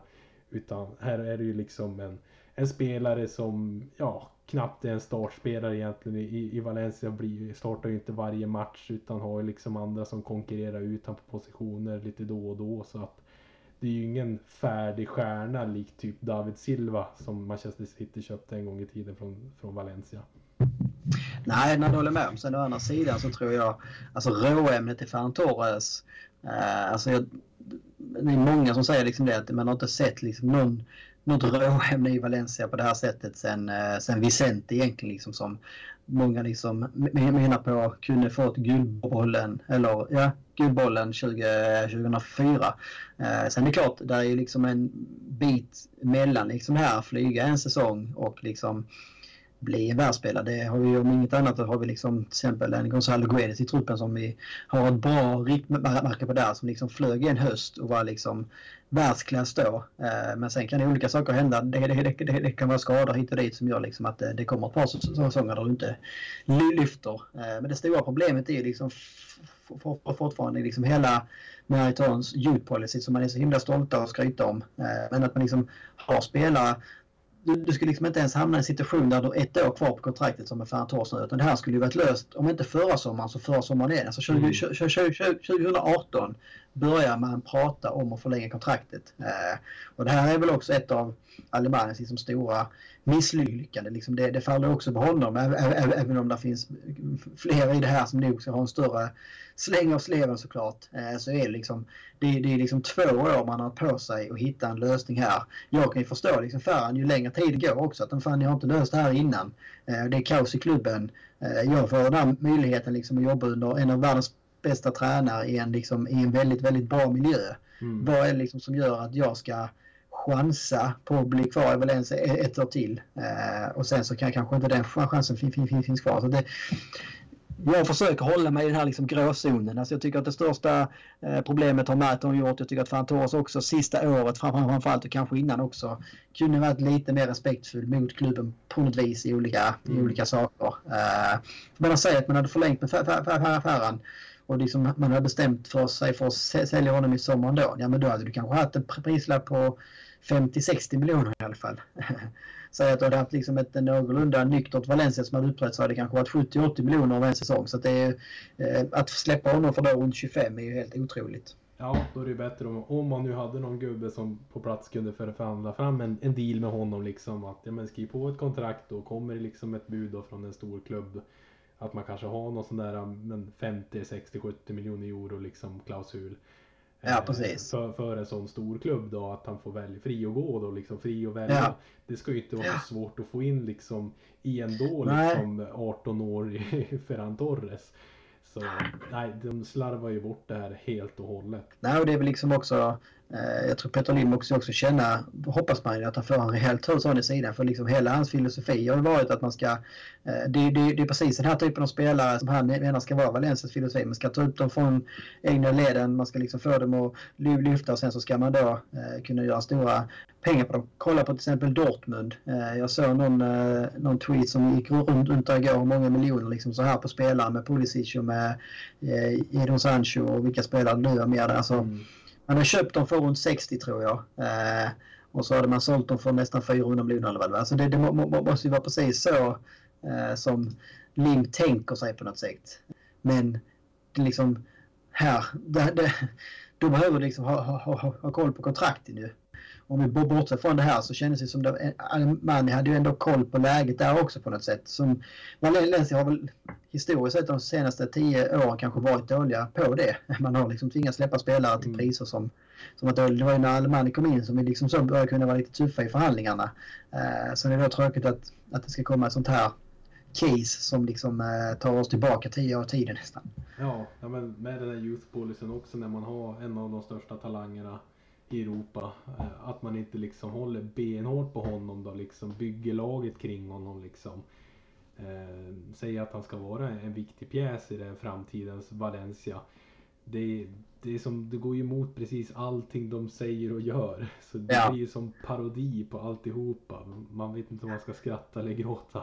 Nej, och just det nu när man liksom kommer ut så här att man är så glad när man har liksom tagit fram en spelare från egna leden för att oss hit och dit. Man, man, man försöker liksom lyfta fram det som att uh, man är väldigt nöjd med, med, det här på något sätt. Att man har en spelare som kommer från egna leden som nu ska spela i City. Liksom, ja, men det, här, det här är liksom ingenting som faller i bra jord för, för Valencia. För du, ni har inte sålt den här spelaren frivilligt eller hur man ska uttrycka det. Utan här har ni sålt det för att ni inte har lyckats förlänga kontraktet. Ni liksom vet att om vi inte säljer nu så går han fritt om ett år. Eh, men man har ju väldigt dålig, återigen liksom självrannsakan att kunna se sig i spegeln liksom bara nej, det här, här blev väldigt tokigt. Det är tråkigt. Eh, nu tvingas vi sälja honom för det här priset istället. Ja, men oavsett liksom vilka beslut de än tar, bra eller dåliga, så ska de ju alltid hitta ett sätt att slå sig för bröstet. Ja, ja, det spelar ja, ingen precis. roll om det är en Champions League-seger liksom. Ja, men då flikar vi in vilka som äger klubbjäveln och och liksom nu när man inte lyckas förlänga ett kontrakt, ja men då slår man för bröstet liksom. Ja, du var sju år gammal när du kom hit och nu ja, säljer ja. vi dig till Manchester City och stort lycka till liksom. Som, som att man har gjort någonting bra av det saken hela, hela, hela tiden. Ja men precis, som att det var så här som man ville att det skulle sluta ja, på något sätt. Så man vill ju liksom vinkla det liksom hela tiden till sin favör men och de förstår inte att de fattar att folk bara skrattar åt dem. nej, nej, nej, nej men det är det som... Patetiska. Det är det, det, det som liksom gör ondast, att liksom Valencia blir som ett åtlöje i europeisk fotboll på något sätt. Ja, det är ju liksom, det är ju klubben man, man älskar och, och följer slaviskt eh, oavsett ägarpost, tränare, spelare så är det ju klubben man, man supportar och, och följer i, i vått och torrt. Och, ja. och då liksom få liksom den nersmutsad liksom. Det känns som att sparka på, på det man älskar så pass mycket. Det, det gör så jävla ont. Ska vi lämna den tråkiga snackisen och gå över till den kanske då lite roligare. Eh, vi har fått en ny tränare. Ja, det är väl lika bra att göra det innan man blir förbannad här eller börjar gråta eller någonting. Ja, precis. Eh, ny tränare, det stämmer absolut. Eh, och det var ju många spekulationer. Det var ju allt ifrån Laurent Blanc till Dubbel Flores och allt däremellan. Så Javi Gracia som man får lära sig att säga och inte Garcia.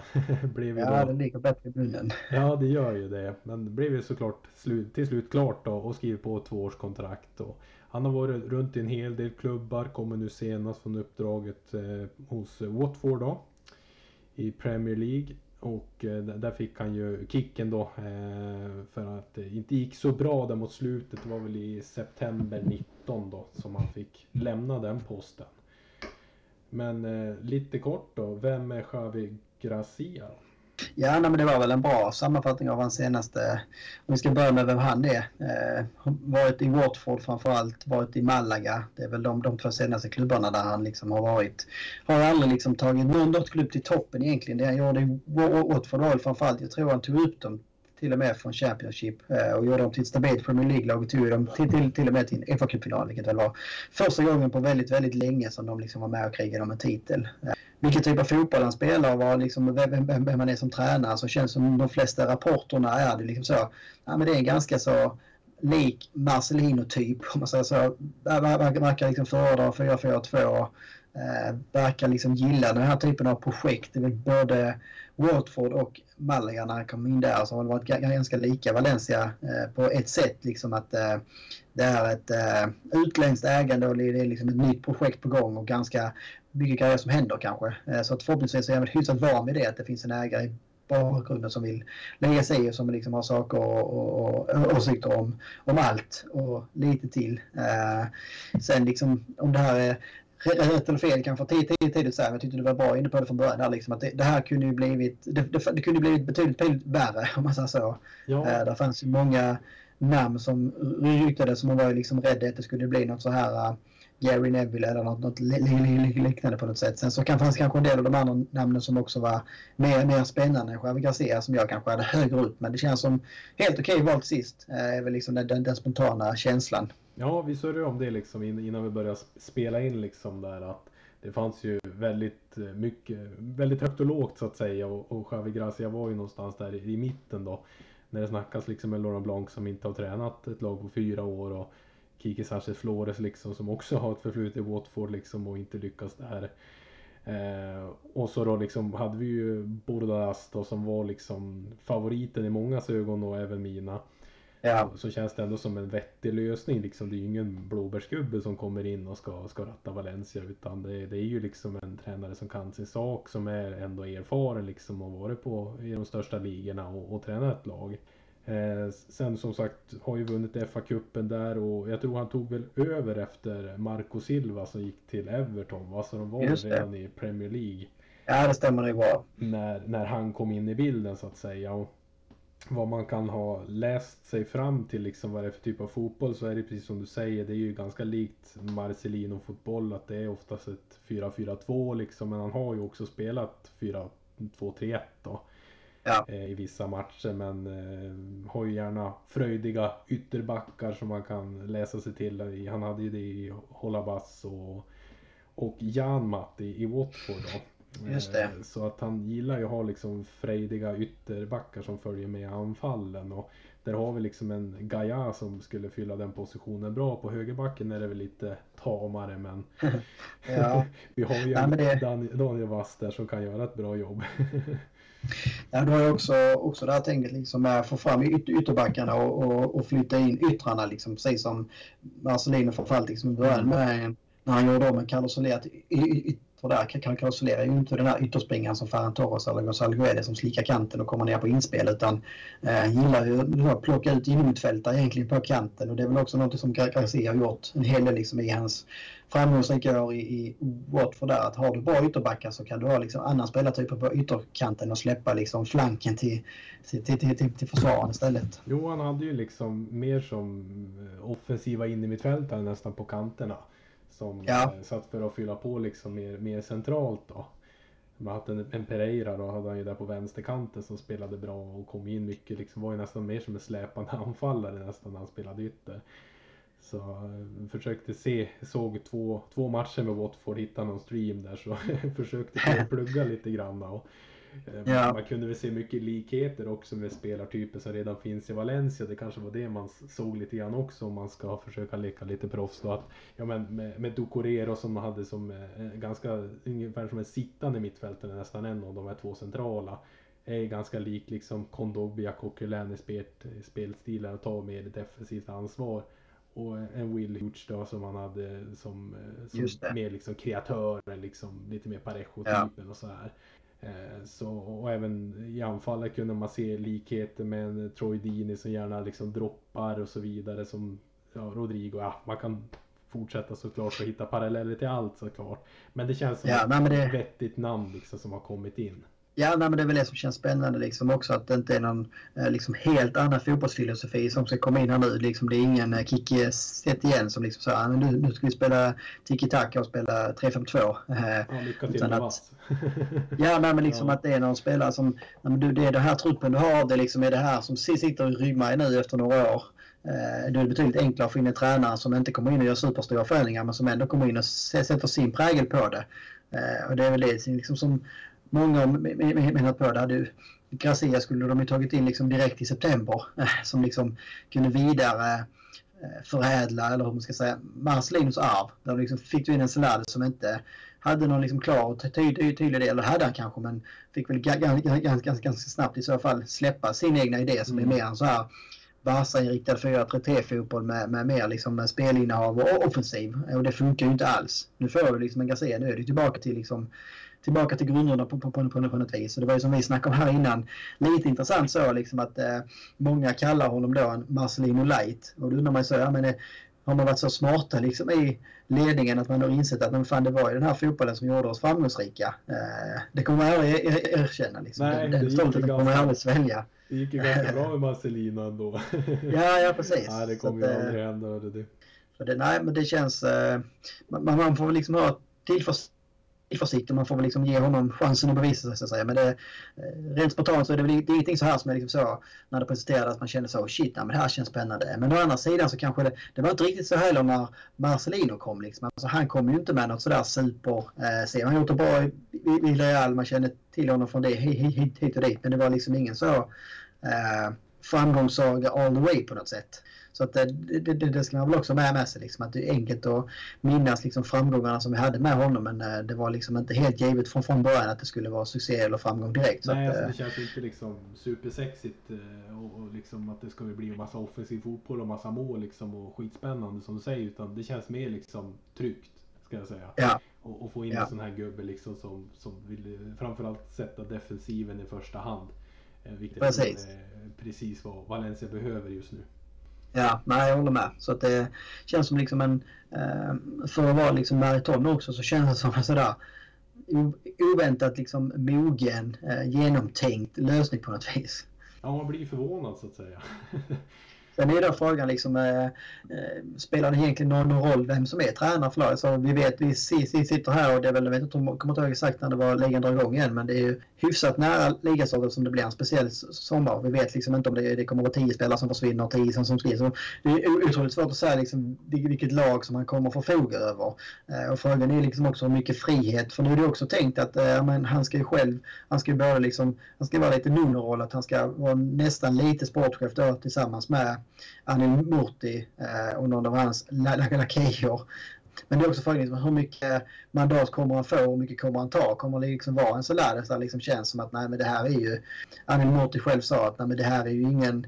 Jag kommer inte ihåg vilket ord det var han använde men det var ju liksom mer att det här är liksom en anställd, det är liksom en funktionär i klubben. Eh, Eh, medan då tränaren vill ju ofta liksom se det som att det är de som, som, som bestämmer över det, det, det, det sportsliga. Liksom. Så att det, det är också det som återstår att se innan man kan så säga eh, om han är rätt eller fel så att säga. Att får han, liksom sin, får han någorlunda fritt svängrum och kunna göra det han vill eller inte. Ja, nej, men det är det som är, jag menar med tryck. Liksom, det känns ju som, den spontana känslan är ju att det är, ju, kommer, det är ingen marionettdocka på förhand i alla fall som, som kommer in eh, som Meriton kan, kan bestämma över helt och hållet. Utan det känns Nej, som en, att han har ju nog med meriter liksom för att kunna få lite mer mandat likt Marcelino eh, kontra Celades då som kommer in med utan meriter överhuvudtaget nästan och liksom ja. underhugger ju sig precis allting som styrelsen säger till honom bara han får chansen att vara tränare i storlag som Valencia. Ja. Det blir intressant att följa. Det var väl eh, det vi hade idag va? Ja, det var rubbet på schemat så jag det... hoppas att vi gjorde Timonen stolt. Eh, ja, det får vi hoppas. Han ligger där. Och, och sandkorn. Precis, ligger där i sin solstol med en, eh, med en kall bira och njuter av lite Valencia-tugg. Jag hoppas det är kanske fler som gör, gör det förhoppningsvis där ute i etern. Eh, ja, jag får ju lite bilder. Det är sangria och det är manchego och grejer så att han, han mår gott där borta. Han lever livet med andra ord. Så är det, men vi avslutar väl sedvanligt med ett hasta luego. Hasta luego.